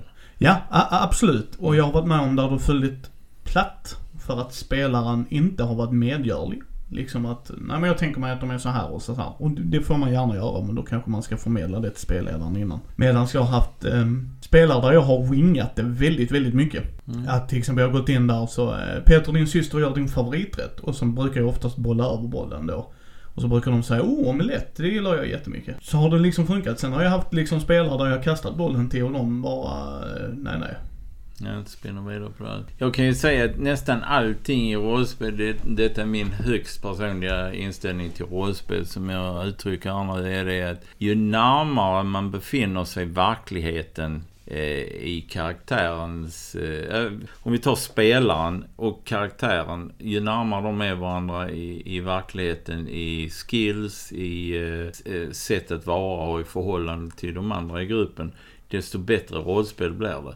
För ju lättare blir det att leva sig in i det. Ju längre från man är desto har det en tendens att då blir det så mycket koncentration på ens karaktär att man har svårt att interagera med de andra på rätt sätt. På ett naturligt sätt. Ja men precis. Jag har ju kört, eh, det är också det, där hänger det mycket på spelaren. Att mm. de spelar gifta. Ja. Okej? Okay? Då får jag ju spela partner. Det kan ju man kan göra så att de gör det också. Det har jag sett hända och det har funkat jättebra också. Ja. Men eh, då hänger det ju på mig som spelledare att göra den andra karaktären mer levande. Det blir jobbigt för vissa. Alltså det blir att de ska ha en relation med någon. Och det blir ju intimt. Jag har sagt det innan och jag säger det igen. Rollspel är en intim eh, utövning. Alltså för du kommer ju in på personer oftast. Ja. Och jag har då fallit platt ordentligt vissa gånger. Och det är kemin mellan spelledaren och spelaren. Ja, och spelarna i sig. Ja, och, och gruppen. Och, mm. Förlåt, ja, gruppen självklart också. Och det, det är jätteviktigt. Liksom, jag har fått sex att fungera bra i rollspel. Alltså att, inte själva liksom sexakten i sig, utan att de har velat ragga på någon i avsikt att ragga. Ja. Vi har kunnat spela ut den scenen någorlunda utan att det blir campy. Sen har det blivit campy för vissa för att det är pinsamt kanske för vissa och jobbigt för andra och, och absolut, så är det. Och så får det ju kanske vara. En av fördelarna med att spela rollspel är ju att testa gränser och göra saker och ting som inte du kan göra normalt Så att någon grej ska du ju prova liksom. Gör en karaktär som är nära dig själv. Men utifrån denna tryggheten och kunskapen om dig själv så eh, står du på en plattform där du kan göra saker och ting som du inte kan göra i verkligheten och testa på dem. För inom ramarna för rollspel så kan man uppleva ganska mycket saker och ting. För om vi nu talar om förhållanden så kan jag ta upp en eh, kompisar som eh, jag förde samman i rollspel och eh, det började med att eh, den manliga parten i det här förhållandet eh, hade problem med aggressioner. Han försökte bota det genom att eh, hålla på med karate till exempel. Och det funkade till en viss del för att hämma hans aggressioner han hade inombords. Men att få lov att spela den gigantiska barbaren eh, Elof, det var hans verkliga liksom outlet. Han fick komma in och bara går under och krossar allting som han behövde för sitt system. Och sen var han lugn i flera dagar efteråt. Så jag var en form av aggressionsterapi för honom. Eh, han träffade sin nu, nuvarande fru då i eh, rollspelet och de har levt lyckliga i 25 år. Eh, och har barn och familj och det där. Eh, men de började sin bana med att träffas där och de hade sex i spelet och det var det flöt in naturligt i gruppen och eh, rollspelet det blev, det blev kring det. Vi, vi, vi använde det som en form av plattform för hur nära de stod varandra i, i gruppen. Ja men precis. Det är ju väldigt spännande och väldigt intressant. För att det är personkemi där. Jag vet spelare som inte är okej okay med det alls. Det är inte det de sitter och spelar rollspel för okej, okay, det är helt okej, okay, helt okej. Okay. Jag gillar ju att utmana mig själv. Jag vet ju till exempel att det är folk som inte spelar ett motsatt kön. Jag kan göra det ibland när jag känner att nu vill jag utmana mig på det sättet. Eh, och då blir det också väldigt så spännande med relationer. Hur väljer man att ha relationer hur väljer man att reagera? För jag tycker i rollspel, precis som Peter sa innan, att det blir ju mer levande om de runt omkring dig blir mer levande.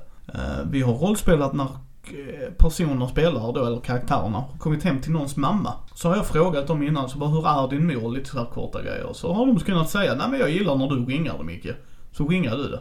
Det blir jätteskoj. Och de har kommit in och så har jag tänkt då, då har jag tagit inspiration från folk i min närhet liksom så jag tänkte, ja men jag älskar min mormor jättemycket och vad gjorde hon som är ett typiskt såhär mormordrag? Hon bjöd alla på mat, oavsett om de har, vi har precis kommit från restaurangen, vi har käkat som världens största buffé. Ja, ja men du är hungrig va? Och då hade jag kunnat göra det och då sa han ju det att det blev mer levande. För att helt plötsligt så stod mamma där och så bara, nej mamma vi är inte hungriga. Ja det säger du varje gång och så kom man in i det. Och då var det att han brydde sig. Så när något hände med hans mamma, då blev han arg. Alltså mm. inte så här, nu borde jag bli arg grejen. Utan han blev aktivt arg. Bara, Det är min mamma, vad fan håller du på med liksom? Och eh, nu pratar vi liksom relationen däremellan dem. Men samma sak när de har en partner. Många skriver in i sin story, fru och ungar. Så bara okej, okay, då kommer jag ju spela på att du har fru och ungar. Så bara vad händer med dem då? Och då brukar jag spelleda liksom, ja din, din unge vill prata med dig. Ja okej, okay, jag pratar lite med honom. Ja fast vi kör den här scenen nu.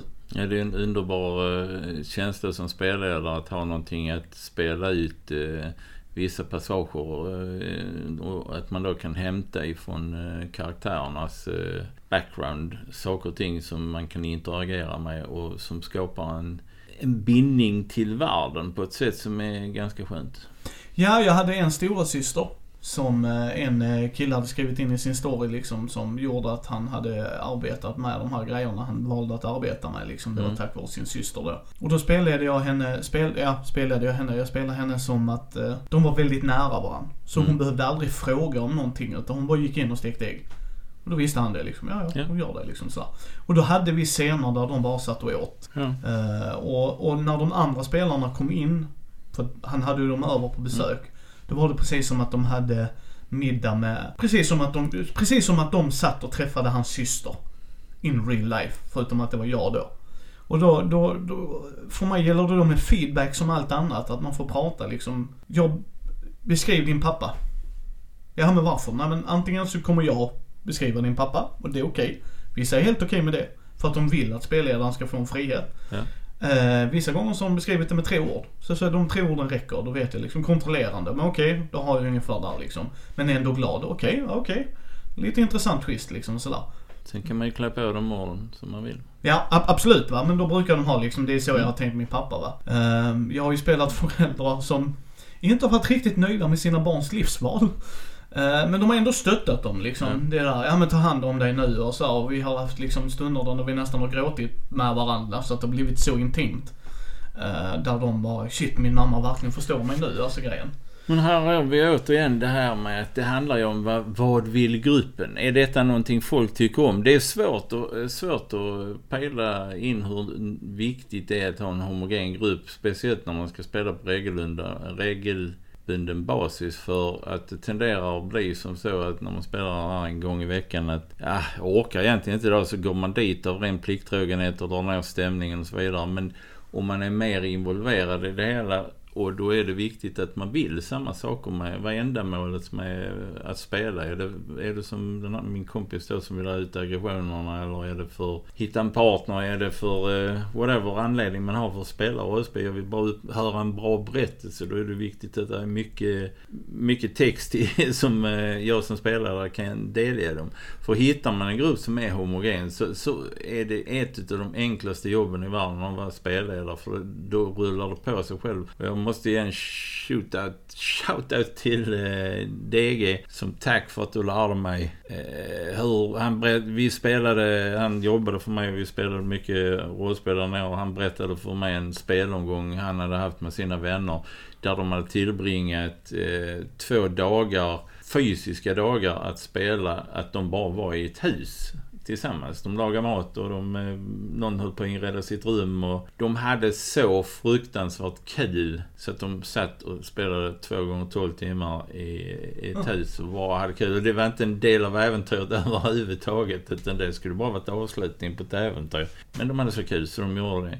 Och det är gruppen inne på att de har kul med det, så gör det då. Sen är det de som bara vill liksom... Hack and slack ja. ja. och ha kärleksäventyr med okända barnmates ute på stan. Då får man jobba lite hårdare som spelledare. Ja, jag har ju haft i DC-kampanjen, en av de längsta jag har kört. Eh, så hade vi att eh, Martin spelar ju arkeolog. Mm -hmm. Så här, professor magi körde han också lite så Men så frågade han att ja, en av de ädelstenar de skulle hitta var i Pompeji. Ja. Så han bara, känner inte jag någon där? Det var Martin jätteduktig på liksom att han frågade jag bara. Mm. Ja men det är väl rimligt att vara arkeolog. Så ja. som du har beskrivit karaktären. Absolut. Uh, Robert och hans fru Sarah. Bara direkt bakom som från ja. ingenstans. Då hade vi tre, fyra timmar där de socialiserade med dem. Liksom ja, det är svinkul. Yes. Hon Ja. Sarah var väldigt så här, jag tänkte men hon, borde- hon borde vara en riktigt så här mysig arkeologmamma liksom. Mm. Kom ni in här och jag kommer ihåg Mi spelade ju Martins protege liksom. Mm. Att hon var en ung tjej och sådär. Och så blev det extra roligt då när man hade en sån intresserad av arkeologi då som hon Mm. menade var lite så här.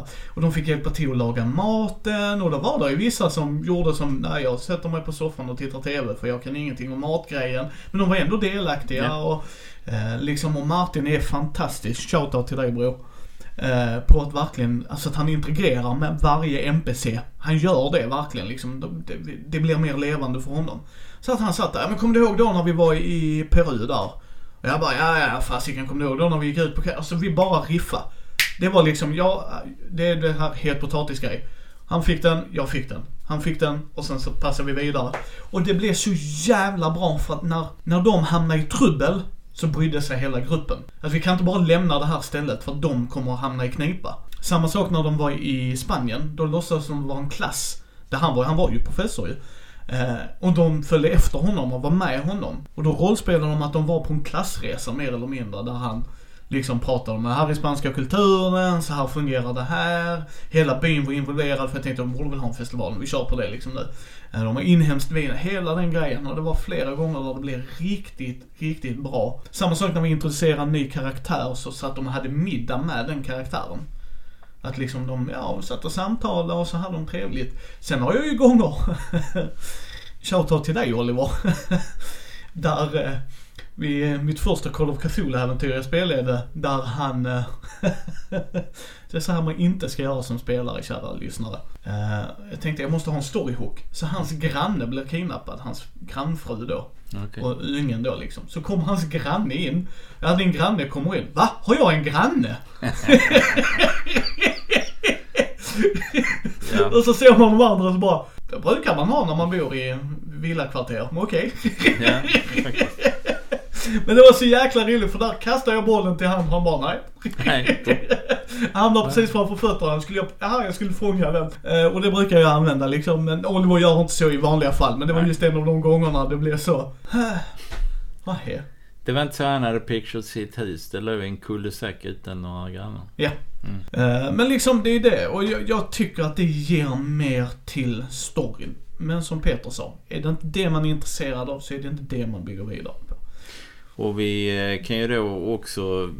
När jag var yngre, jag har inte varit världens bästa människa när jag var yngre och jag vill inte skylla på min Asperger men jag var väldigt... Eh, hade svårt att eh, känna empati för vissa saker och ting. Jag hade ett gäng unga rollspelare från Ödåkra som kom och skulle spela och de ville bara spela rullspel, inte rollspel. Så eh, där använde jag sex på ett sätt som kanske inte är det bästa sättet men jag ville ha deras attention för de ville slå ihjäl allting och det var enda sättet de hade kul på.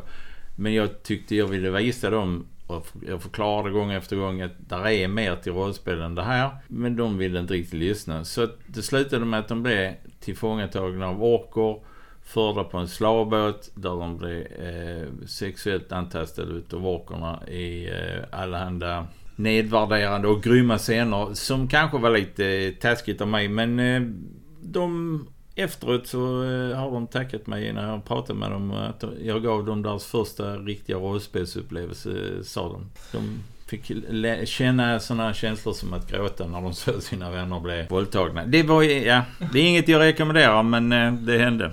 Jag vet ju en som har berättat det att eh, han satt med en spelledare och det har jag berättat om innan som där hon beskrev hur han blev våldtagen. Och jag sa det var ju ballsy. Ja. Verkligen ballsy. Det blir ju bra rollspel Mm. av det. Men jäklar du måste ju känna den du sitter med. Ja, faller det platt, faller det... Det är ju inte ens att den glider ner utan Nej. det är ju pang. Mm, boom. Som sagt, det vill till att man är på, har rätt kemi i gruppen, att man är på samma sida vad man vill med saker och ting och att man känner varandra på en, kanske lite mer än bara ytligt. Ja, och det är det jag menar att eh, jag vet att, eh, och jag förstår det med all rätt, jag har haft tjejkompisar som har sagt att de är trötta på att man använder våldtäktsscener som var en känsla. Ja. Alltså att kvinnor blir våldtagna. Och jag sa det absolut, vissa gånger funkar det dock. Det är ett billigt sätt att göra det på. Oftast. Alltså att det, eh, jag har fått det och fått fram riktiga känslor. Som jag har berättat om innan, slavbyn. Där de kommer in och så inser de att det är slavar. Och de bara, är inte det förbjudet? Bara, jo, det här är ju skumt. Okej. Så kommer där en tjej då som är 13, 14, 15 års åldern. En kund tar med henne upp, jag beskriver inte mer än så, att hon kommer ner och gråter. Det har gått en stund. Då väljer en att nu ska jag bli prostituerad, Martin då. Så han går upp och har sex med den snubben och vi, beskriver liksom hur de kör kärleksdansen. Förutom att eh, han är ju då Drow, alltså Dark Elf. Mm. Eh, och gillar frätande syror. Så han gör ett stort jävla märke på killen liksom och markerar han för livet. Men det kom ju ur det och jag använder inte det alltid för jag håller med, man ska inte använda det för lättvindigt. Nej. Eh, Men kan man förmedla den känslan och visa att de är så här sviniga. Mm. Kan man göra det på ett snyggare sätt också. Och jag vet att eh, Ulrika, hon blev så arg. Att hon ville köpa loss tjejen då för att hjälpa henne. Mm. För de använde nummer, så hon var nummer 13 då. Så bara, jag vill köpa loss henne och han bara, nej nej, jag kommer inte sälja henne. Så står hon och knyter handen. Och jag ser på henne för hon sitter och knyter handen vid bordet mer eller mindre. Jag vill slå ihjäl honom. Beskriver ju då hennes man Andy då, min co-host. Och här, mina goda vänner, det är här ni kan leva ut era inre aggressioner. Ja, precis. Och då kommer han fram till henne. Nu är vi i underläge i en by av 10 000 där de tycker att slaveri är helt okej. Mhm. Så slår du ihjäl han så hänger vi i slutet på dagen. Jag säger inte att han ska dö. Det ska han. Inte just nu. och när de fick dö på honom. Celebrate good times, come on! Du, Ja. du, du, du. Alltså, att Jag undrar om man kan få dem till att framstå desto skönare än de får. Yes. Och det har jag gjort. Jag kan ju säga att ehm, jag körde Achtung Cthulhu med Mm. Martin och dem. Och ehm, så ska de landa i franskt eh, ockuperat om, eller tysk ockuperat i Frankrike då. Så de är på en liten by och Mm. träffar en familj, en rebellledare som gömmer dem då för att de ska jaga eh, tyska eh, Eh, nazister då. De har en liten flicka, jag är inte, det är rätt uppenbart att jag puttar in henne i storyn.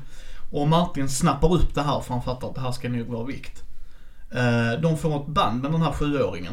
Eh, pappan i hushållet jobbar på hotellet där de ju är nazisterna håller till.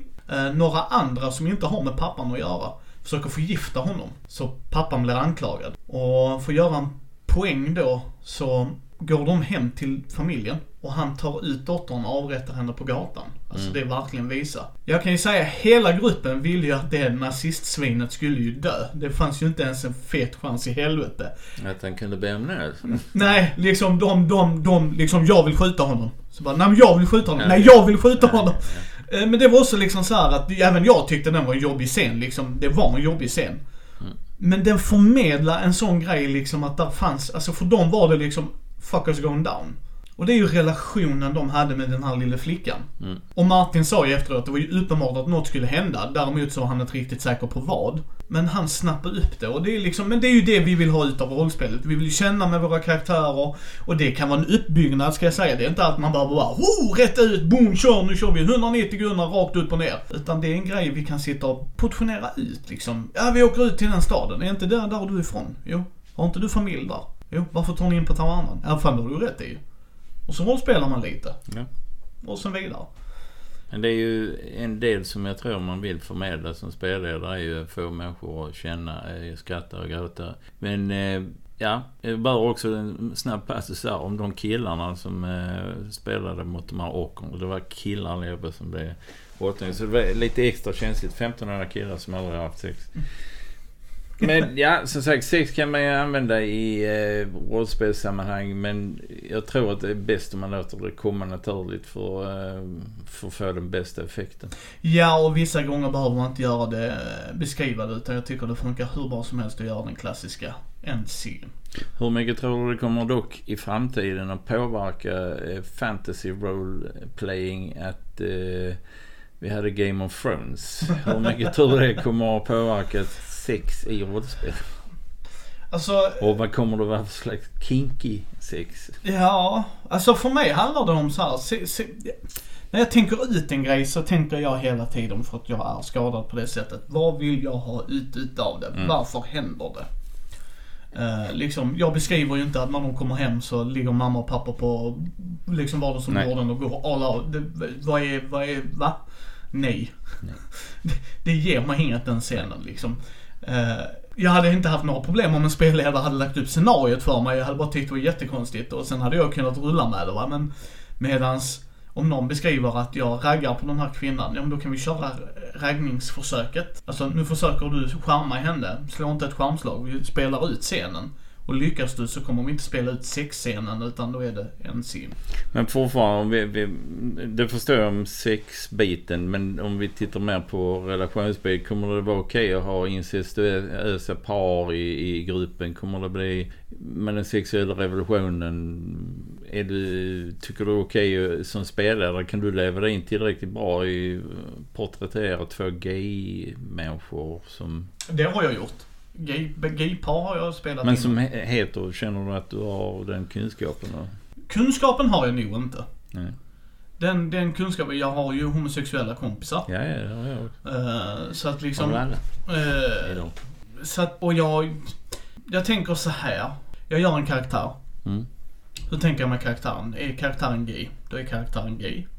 Men gay people, like every people, är Precis. different people. Men det Alltså, var det jag menar nu då. Kommer det att bli ännu så- svårare att förstå relationer? För det är många som har reagerat negativt mot det incestuösa förhållandet mellan bror och syster där i Game of Thrones. Men sen har karaktärerna gjort det och de växte och blev mänskliga på slutet. Så att man hade, folk hade ju enorma känslor för både Det, Jamie alltså, och... för mig handlar det om gruppen där. Jag hade nog inte spelat en karaktär som hade haft incest, alltså incestförhållande. Det hade Mm. jag nog inte gjort för att Mm. jag är väldigt obekväm med det själv. Eh, och skulle någon annan spela det så skulle jag nog spela en simpleton faktiskt. För att det är nog så jag hade spelat karaktären. Mm. Om jag skulle stöta på en NPC, ja, här är ju också bra du tar ut det. För det första ska man också komma ihåg att vår kultur och deras kultur behöver inte vara detsamma. Nej. Det måste man komma ihåg. Det är en jättestor grej och det får man ta vad man vill och kulturer och allt det där ska vi inte gå in på just nu men nej, det blir intressant. Allting handlar om gruppen. Ja. Vill gruppen spela ut sexscenen och alla är nöjda med det, spela ut sexscenen. Zero fucks given från mitt håll. Vill man inte det så ska man inte det och då funkar, och var alltid tydliga med det om någon går över gränsen. Är man inte bekväm så ska man säga det som spelare, jag är inte bekväm här. Även som spelare kan man säga till sina spelare att det här, är, jag klarar inte av det här. Ni har Nej. startat här. Det blir för mycket för mig. Yes. Det works both ways, yes. Så att det är våra tankar. Det är mycket att hämta i relationer till karaktärer. Absolut, det är den största skattkistan vi har att gräva ur. Yes. Så mycket känslor, så mycket kemi. Yes. Och man kan göra riktigt roliga scener. Ja. Jag kommer ihåg, jag kommer ihåg liksom, eh, vi spelade i Ascana, min hemmagjorda D&D-var. Där eh, de spelar med sina föräldrar så att de eh, fick träffa de sympatiska syskonen, mammorna. Vi, en av dem var rik ju så att de hade ju personal. Och personalen spelar man liksom på ett sätt och, och så beskriver jag väldigt mycket när jag gör det ju. Liksom att du har de här känslorna till den här personen liksom. Okej. Då vet de det liksom. Och då har jag ofta sagt, är det okej att jag gör så? Ska jag också förtydliga. Vissa vill ha total kontroll på sina karaktärer och jag respekterar det.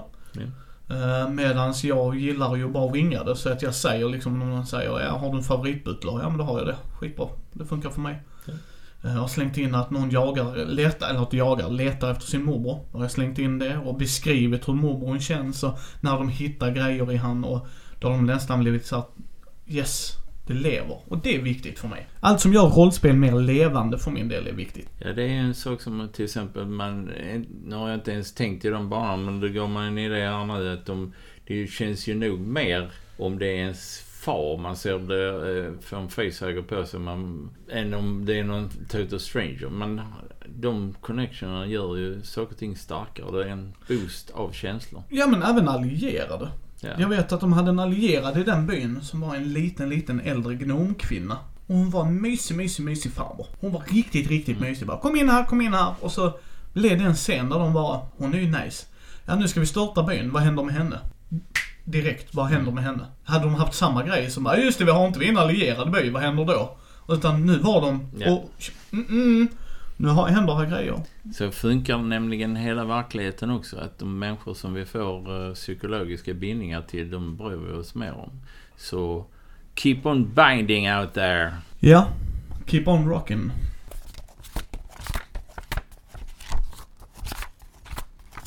Då ska vi prata om eh, rollspel i olika former kanske vi ska kalla det. Ja, det får man säga. Eller olika sätt att utöva det på. Precis. Eh, vi börjar med den klassiska. Eller de klassiska, så kan vi arbeta därifrån. Uh, rullspel, har du provat det? Ja, det, rullspel. Jag har ju inte varit kanske så jätteinne i den biten. Visst, regler är roligt men uh, jag tycker att det är... Ja, det var Gloomhaven här nu blir väl en form av rullspel, får man kalla det. Det är ju... Mm. Många andra rollspelare kanske inte hade gjort det, men jag håller med dig till en viss del. Ja. Det, jag spelar hellre Dungeon Crowns än rullspel. Jag har spelat rullspel. Uh, för mig blir det jättetråkigt. Av den enkla anledningen att jag sitter och spelar ett brädspel. För mig, ska jag förtydliga, för mig känns det så här. Att jag sitter och spelar ett brädspel med en vag aning av en story och då sitter jag hellre och spelar ett brädspel med en vag aning av en story. Fast jag måste ju då också erkänna att de, som du ser den tavlan jag har gjort här i bakgrunden, eh, sitter hemma hos mig när jag visar honom en bild utav Battletech. Det är ett spel som för mig har varit eh, ett fantastiskt fem år där jag träffade oerhört många människor, bland annat från Stockholm så, som drog in mig i det träsket. För då var det verkligen, jag, när jag var färdig med det hela så var det jättemånga figurer och så. Men det fanns även ett rollspel. Och det var ett sätt vi spelade det på där vi hade rollspelet för sig. Och alla striderna körde vi med eh, reglerna för eh, eller miniatyrspelet. Och det var en perfekt uppdelning. För liksom de var mercenaries när de var ute och gjorde sina äventyr så var det inte med meckarna utan då var det in person. Men några gånger hamnade de ju i strid via äventyren med andra då körde vi benhårt liksom reglerna på. Något modifierade. Jag hade lagt till lite extra eh, skills och, och regler på hur man skötte bland annat kommunikationen i brädspelet. Men i övrigt så bara funkade det klockrent. Det var en av de bästa kombinationerna jag har varit med om när det gäller rent rullspel med, med rollspel. Den är ju intressant, ja precis. Sen har vi ju rollspel som jag eh, Peter pratar om här ju att man lever sig in i karaktärerna, storyn är viktigare än eh, reglerna och det är lite sådär. Och där har man ju gjort en del. Mm. Men sen har vi ju live. Live roleplaying är till att ta det några steg uppåt. Att klä ut sig och umgås med folk och verkligen vara din karaktär. Du är karaktären. Det är inte att du i princip tala om vad din avatar gör som det blir lite tendens till när man spelar rollspel. För du, man kan ju även i det fallet eh, klä ut sig när man sitter och spelar rollspel och, och interagera med varandra. Jag var spelkonstruktör till Helcon 92 när vi hade ett underbart gäng som verkligen gick in i eh, sin del av rollspelet. Att de byggde, till exempel de ska klättra på ett berg så byggde de upp i klassrummet och bänkar och så. Klättrade på dem och verkligen agera ut hela biten och sen bjöd de in mig på live för de tyckte jag var eh, jättetrevlig och eh, det tyckte jag de var också. Så jag åkte på livet upp i där de hade hyrt en hel eh, herrgård och en kvarn bredvid där de hade folk, de hade dragit in folk som gick och serverade men var NPCs och Ja, det var en helt amazing grej det där med att spela live. Det är verkligen, eh, vad ska man säga, man, man känner så mycket mer känslor. För mig det var en av mina finaste upplevelser jag haft.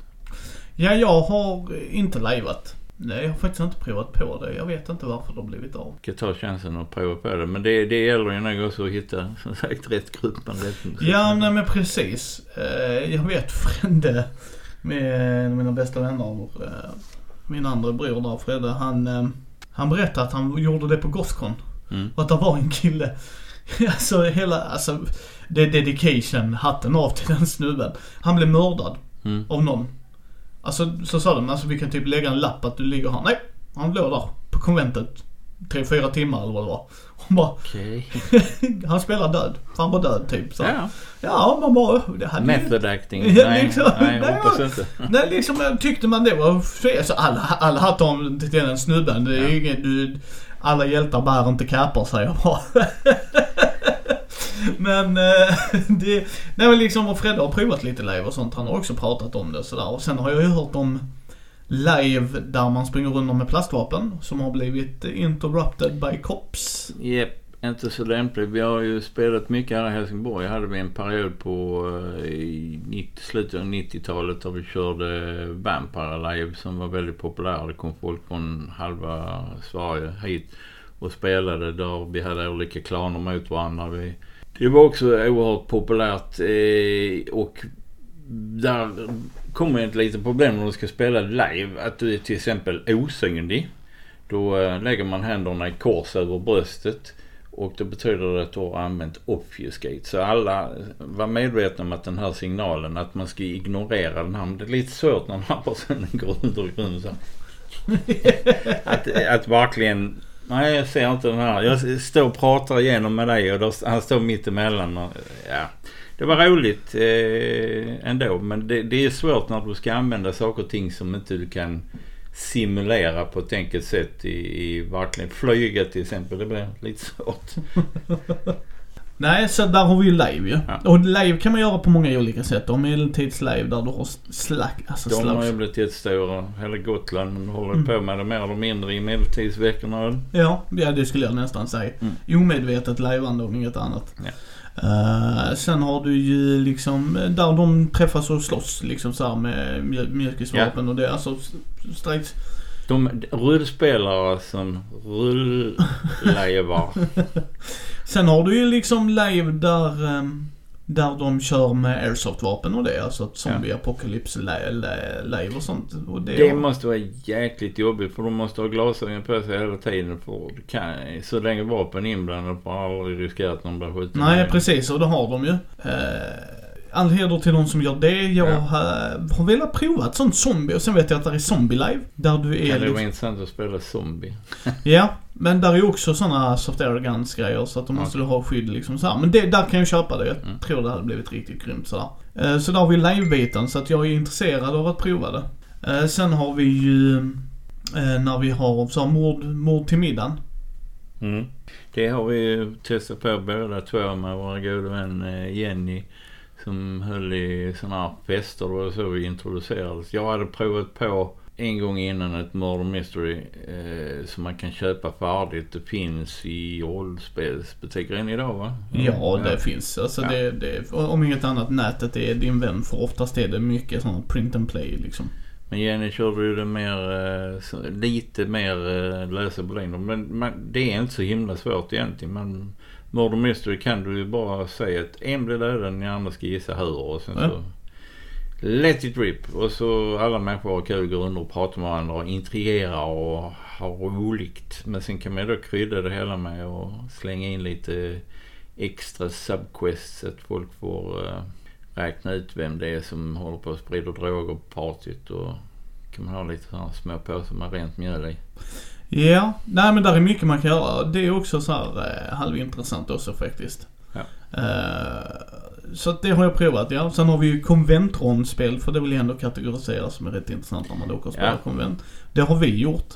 Det är, ju, det är ju ett rollspel men det är ju inte... Det är mycket railroadat skulle jag vilja påstå. pratar vi om Det. skillnaden mellan att spela med sitt kompisgäng hemma en gång i veckan. Det, det tenderar att bli lite slentrian över tiden. Men, och lite lösa boliner är det hela tiden. Medan om du åker till ett konventor, betalar för konventor, betalar för att delta i det här rollspelsäventyret.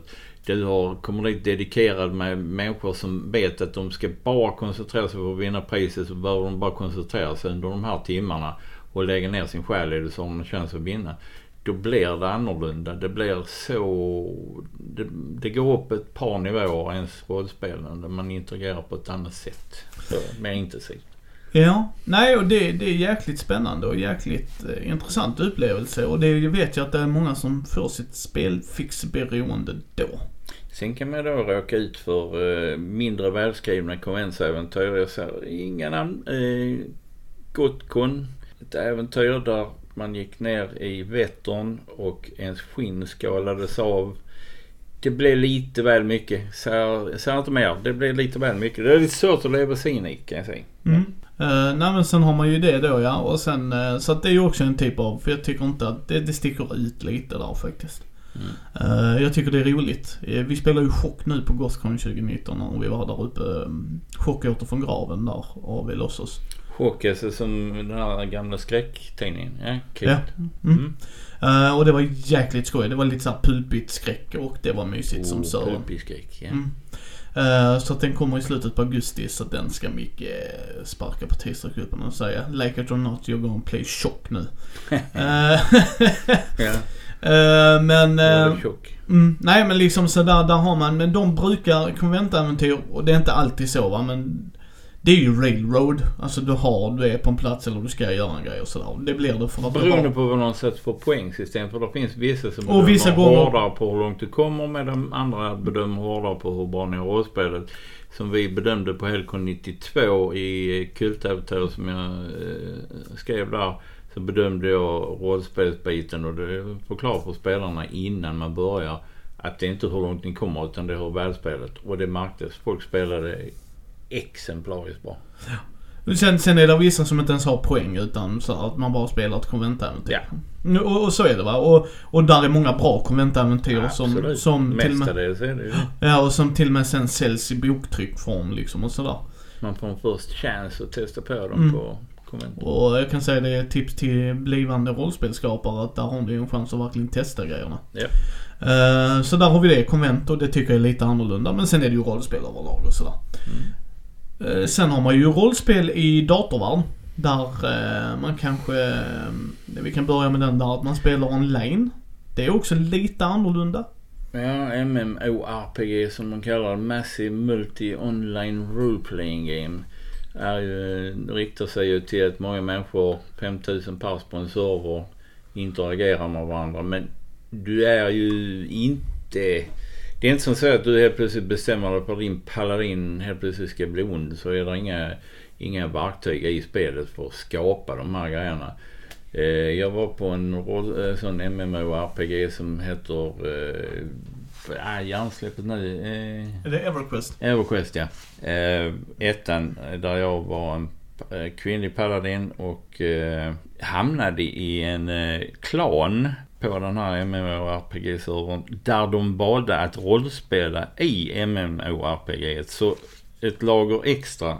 De, de hade in, eh, några så kallade nya kaniner och några spelledare som skapade intriger mellan oss i grupperna och, och sk- eh, när man kom med så fick man lite olika connection med olika människor och där skapades utdrag. Det här ska ges till denna och du ska attackera den här personen i, i den här situationen. Det var väldigt roligt. Eh, men det, folk har ju utlopp för sin kreativa fantasi när det gäller eh, att spela rollspel på de mest otänkliga ställena och det börjar ju bli vanligare och vanligare att man rollspelar allt från sängkammaren till att man använder det på arbetsplatserna. Typ. Ja, och sen har vi eh, precis, vi tar arbetsplatsen här snart. Eh, eller i arbetsform kanske. Men du har ju också när man spelar online, alltså att du sitter med webcam och det. Ja, Okej, det har jag inte... Nej, jag har provat det. Och Okej. återigen, med rätt grupp så kan det vara riktigt kul. Men Ja. det blir väldigt mycket annorlunda. Okej, vad är det som blir annorlunda? Du får sitta och titta på eh, kamerorna, för, eller de här bilderna för Mm. att se hur folk reagerar. Medan det kommer mer naturligt för mig att göra vid bordet. Ja. Eh, men vi har så bra kameror idag som Mm. är billiga och bra ljud och bra mikrofoner idag så man kan göra det riktigt bra. Så det kan jag säga. Så att jag leder till er som gjorde det back in the day via Ventrilo och sånt. Eh, så sen har man det. Sen som Peter sa. eh, sen har du ju rollspel där folk använder det i pedagogik. Pedagogiska syfte som att utbilda en sköterska för att lära sig att ta hand om eh, grief counseling, vad heter det på svenska? Sorg. Sorgarbete. Ja. Det är ju en sak som du inte riktigt... Det kan man inte skriva en bok på. Utan då väljer man att låta dem möta eh, sörjande, mä- människor som spelar sörjande människor och så får de helt enkelt interagera med de människorna för att lära sig. Och du har ju använt eh, rollspel för att demonstrera saker och ting i facket. Ja, ja, ja, jag har pratat om detta innan. eh, Bland annat med Gunilla och Mikael. Men där ja, jag visade dem vad rollspel, vad rollspel Mm. har hjälpt mig och de, sen kör man ju rollspel på sådana utbildningar också varje Ja, gång du har en utbildning. Eh, och det förstod ju de liksom. Sen att jag tog det och gjorde det mer storydrivet. Mm. Men där hade vi övningar där vi var rollspel liksom. Att det här är er si- situation, de ger oss scenariot så att säga om vi ska gå Och till du våra... fick spela arbetsgivaren. Hur var det? Nej, jag fick spela arbetsgivarens son. Ja okej. Ja. Ja. Eh, och, det, och då var det den psykologiska biten. Han var Mm. inte alls beredd på det. Mats där. Jag gick in och bara, tjena pappa. Han bara, "Eh, jaha. För, han- för ska komma ihåg att de har massa olika sådana scenarier igång. Så han visste Mm. inte vilken grupp det var ända tills han såg gruppen och så bara ah crap. men, eh, men det var många sådana intressanta grejer och sen har det hjälpt folk med PTSD och lite andra grejer. Absolut. Så att eh, rollspel, Det är viktigt. rollspel är jäkligt viktigt och jag förstår att det inte är för alla. Det är, ju- rollspel har väl sina rötter i att det var ett sätt som vi interagerade långt, långt, långt tillbaka i tiden och överförde berättelser. Men man gjorde det inte bara genom att en satt och berättade en berättelse utan man agerade med berättelserna och så. Och det var så man överförde den form tidig teater skulle man nästan kunna kalla det. Ja, ja jag, jag älskar rollspel. Det Ja. har eh, verkligen lärt mig mycket och man får mycket insikt i sig själv, tycker jag personligen. Sen är det vad man vill få ut utav det som allt annat. Jag gillar rollspel för att det utmanar mig. Mm. Jag gillar rollspel för att bygga karaktärer och utmana den karaktären och hitta ett ställe där jag känner att det är nöjd. Jag har inga problem att mina karaktärer dör om jag väljer att de ska dö. Jag har haft spelledare som Nej, nej, nej, nej, nej, det, det är ju inte roligt. Så bara, jo, det är roligt för mig. Ja, men då får du göra en ny karaktär. Yes. Och jag känner också att människor som har vissa, eh, vad ska vi säga, restriktioner personliga. De kan ha ångestar, de kan ha, du sa innan att man inte, man var blyg och så. Att de kan, om de ikläder sig en roll av att vara en annan person så kan de eh, agera ut på ett annat sätt. För att det är inte de som gör det. Och sen lär de sig omvänt också att, ja men vänta det här kan jag applicera i verkligheten och det är inte så, jag kan inte dölja för det är inte en bra grej men jag kan hämma min ångest genom att jag tar på mig en persona som är väldigt lik mig men det är inte jag och på så sätt kan de ko- överkomma sina eh, problem. Och det är en väldigt bra grej. Ja, ja. Och sen hade du ju han eh, som fick ut sina aggressioner. Ja, Liksom, han ville bara kötta grejer. Det var så han fick utlopp för det. underbart att han liksom kunde hitta en så enkel lösning. Det är amazing. Så, Folk lär sig problemlösning också. ja, det gör du. Ja. Du lär dig eh, Grupparbete. eller grupparbete. samarbete. Ja, grupp, grupparbete, samarbete liksom. Sen är det ju undantag som bekräftar regeln. Folk som aldrig lär sig det. Men, men eh, det är lite våra tankar alltså att om de olika rollspelen. Jag tycker allt har sin plats. Jag tycker att eh, folk ska prova rollspel. Jag tycker det, att man ska göra det. Och bara som sagt inte rädd för att prova olika sorter. För det är, var och en har sin egen flavor. Det är inte, ingenting är likt andra. Och också ta upp att rollspel skiljer sig så enormt från grupp till grupp. Om du har haft en dålig upplevelse så är det inte samma sak att det kommer att vara samma sak i nästa grupp. Så prova på att rollspela. Låt tärningarna rulla.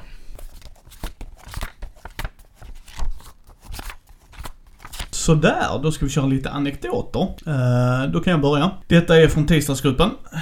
Detta är med eh, Martin och eh, Pumpa. I DC Adventures så fungerar det så när man ska hjälpa någon med någonting så gör man ett test. Kommer man då, klarar man ett eh, difficulty class, alltså en DC-slag på 10, så får de plus 2.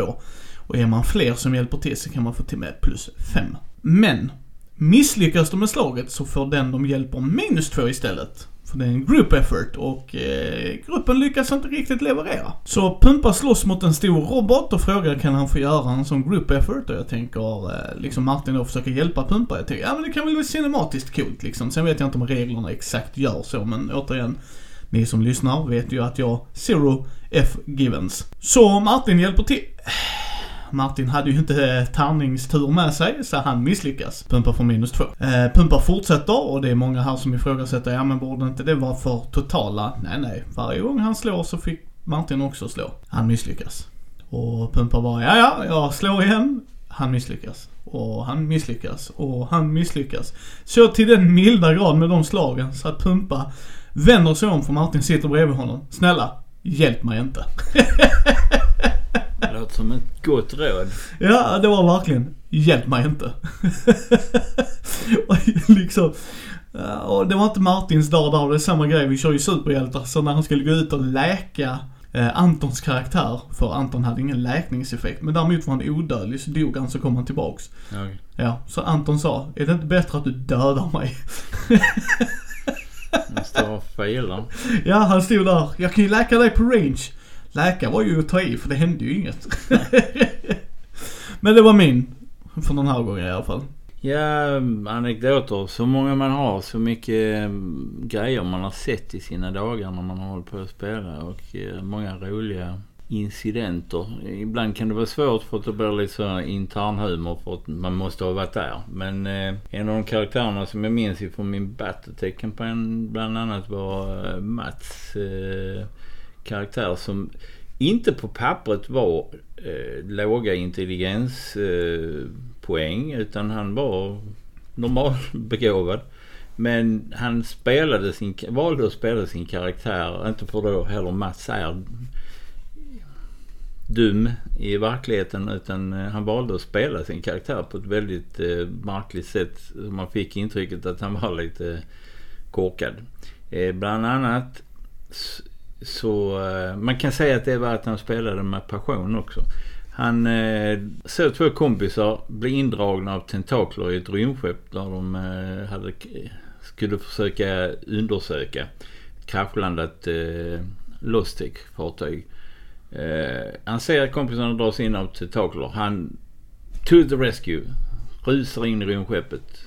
Kravlar under och lyckas hitta till rummet. Eh, på vägen till rummet så hittar han en bazooka. Han väljer att fortsätta kravla under in i rymdskeppet med bazookan och jag låter honom göra det. Han kommer till där eh, de hålls fångna. Det är ett rum två gånger två gånger två. Eh, där de sitter upplimmade i ett hörn i ena rummet, ena delen av rummet och i det andra sitter det här tentakelmonstret. Och då väljer min kära kompis att sparka in dörren. När han förklarat hur rummet ser ut så sa han jag skjuter min bazooka. Vi hade homegrown rules som handlade om att man hade kunnat förtjäna hero points när man gjorde några bra grejer här i livet men inte utnyttjade det till sin egen fördel jättemycket. Och han hade lyckats skapa ihop några stycken faktiskt. Och han fick använda allihopa och hans kompisar också. Men de överlevde. Annars skulle de inte gjort det. Men det var modigt ju. Ja. Inte så särskilt klokt. Men han avslutade också sin bana med att eh, i den här världen så eh, körde jag med att det fanns eh, Rambo 4237 avsnittet för det var i framtiden. Och eh, i den iterationen så hade Rambo fällt en eh, Battlemech som en 100 ton strids, med arm och allting. Eh, stridsmaskin med en eh, kommandokniv. Och eh, han avslutade sin bana. De mötte deras nemesis för hans meck blev utslagen men han lyckas kravla ur vraket och går mot deras nemesis meck som en 100 ton Atlas. Och tänker plocka ner dem med sin kommandokniv. Eh, när väl den här killen eller när han kommer fram till den här mecken som står fullt upptagen med att slåss med hans kompisar. Så, så har han inte tänkt så långt som att men de skjuter missiler och alla träffar inte. Så hela området, han blir obliterated. Där blir inte en smula kvar. Men han var så arg. Det var hans plan. Så ja, tänk efter före man gör det. Det finns även en annan anekdot om en annan kär spelare som jag spelar med som har lite underliga idéer till hur man gör så. Detta är då inte rollspel men det är ganska rolig anekdot om eh, Hero Quest, Advanced Hero Quest var det till och med som vi, eh, Micke, en kompis arrangerade på Gotcon. Eh, där jag byggt upp en jättebana. Och folk kunde komma och ansluta och så mitt i. Det ville att det skulle vara lätt accessible. Jag hjälpte till lite grann vill jag minnas. Eh, en annan kompis också hjälpte till ett Östling men han var inne och spelade. Och hans karaktär, i hans grupp så dog alla men han trillade ner i en fälla. Och det, vi tillät ju en viss rollspelande och han var alv. Så hans idé var att han skulle riva sönder sina kläder i små, små remsor fästa vid en pil som han sen skulle skjuta upp. Jag tror säkert han har fått idén från någon film. Men det var vad han sysslade med. Han stod och rev och under tiden travade in tre stycken unga oförskräckta människor som börjar eh, sin bana och sin karriär i en ända utav eh, Dungeonen som tre unga dvärgar. Måste, det här handlar om beskrivningar av det här. För vad som händer är att de kommer fram till kanten av pitten och just i det ögonblicket har Östling valt att beskriva för spelledaren vad han gör. Att han, för att kunna sikta bättre med pilen så står han och slickar på fjädrarna till pilen. Så vad de ser är en naken alv i en grop som ser ut som en SOM Dungeon slickandes på en pil. Jag ska bara träffa! De blev något chockade. Ja, dessa minnen alltså.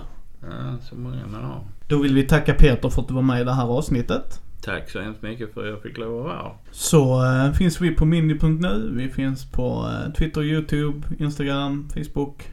Hela tjofaderullan. Eh, så ta gärna en titta. Så syns vi nästa och hörs nästa måndag.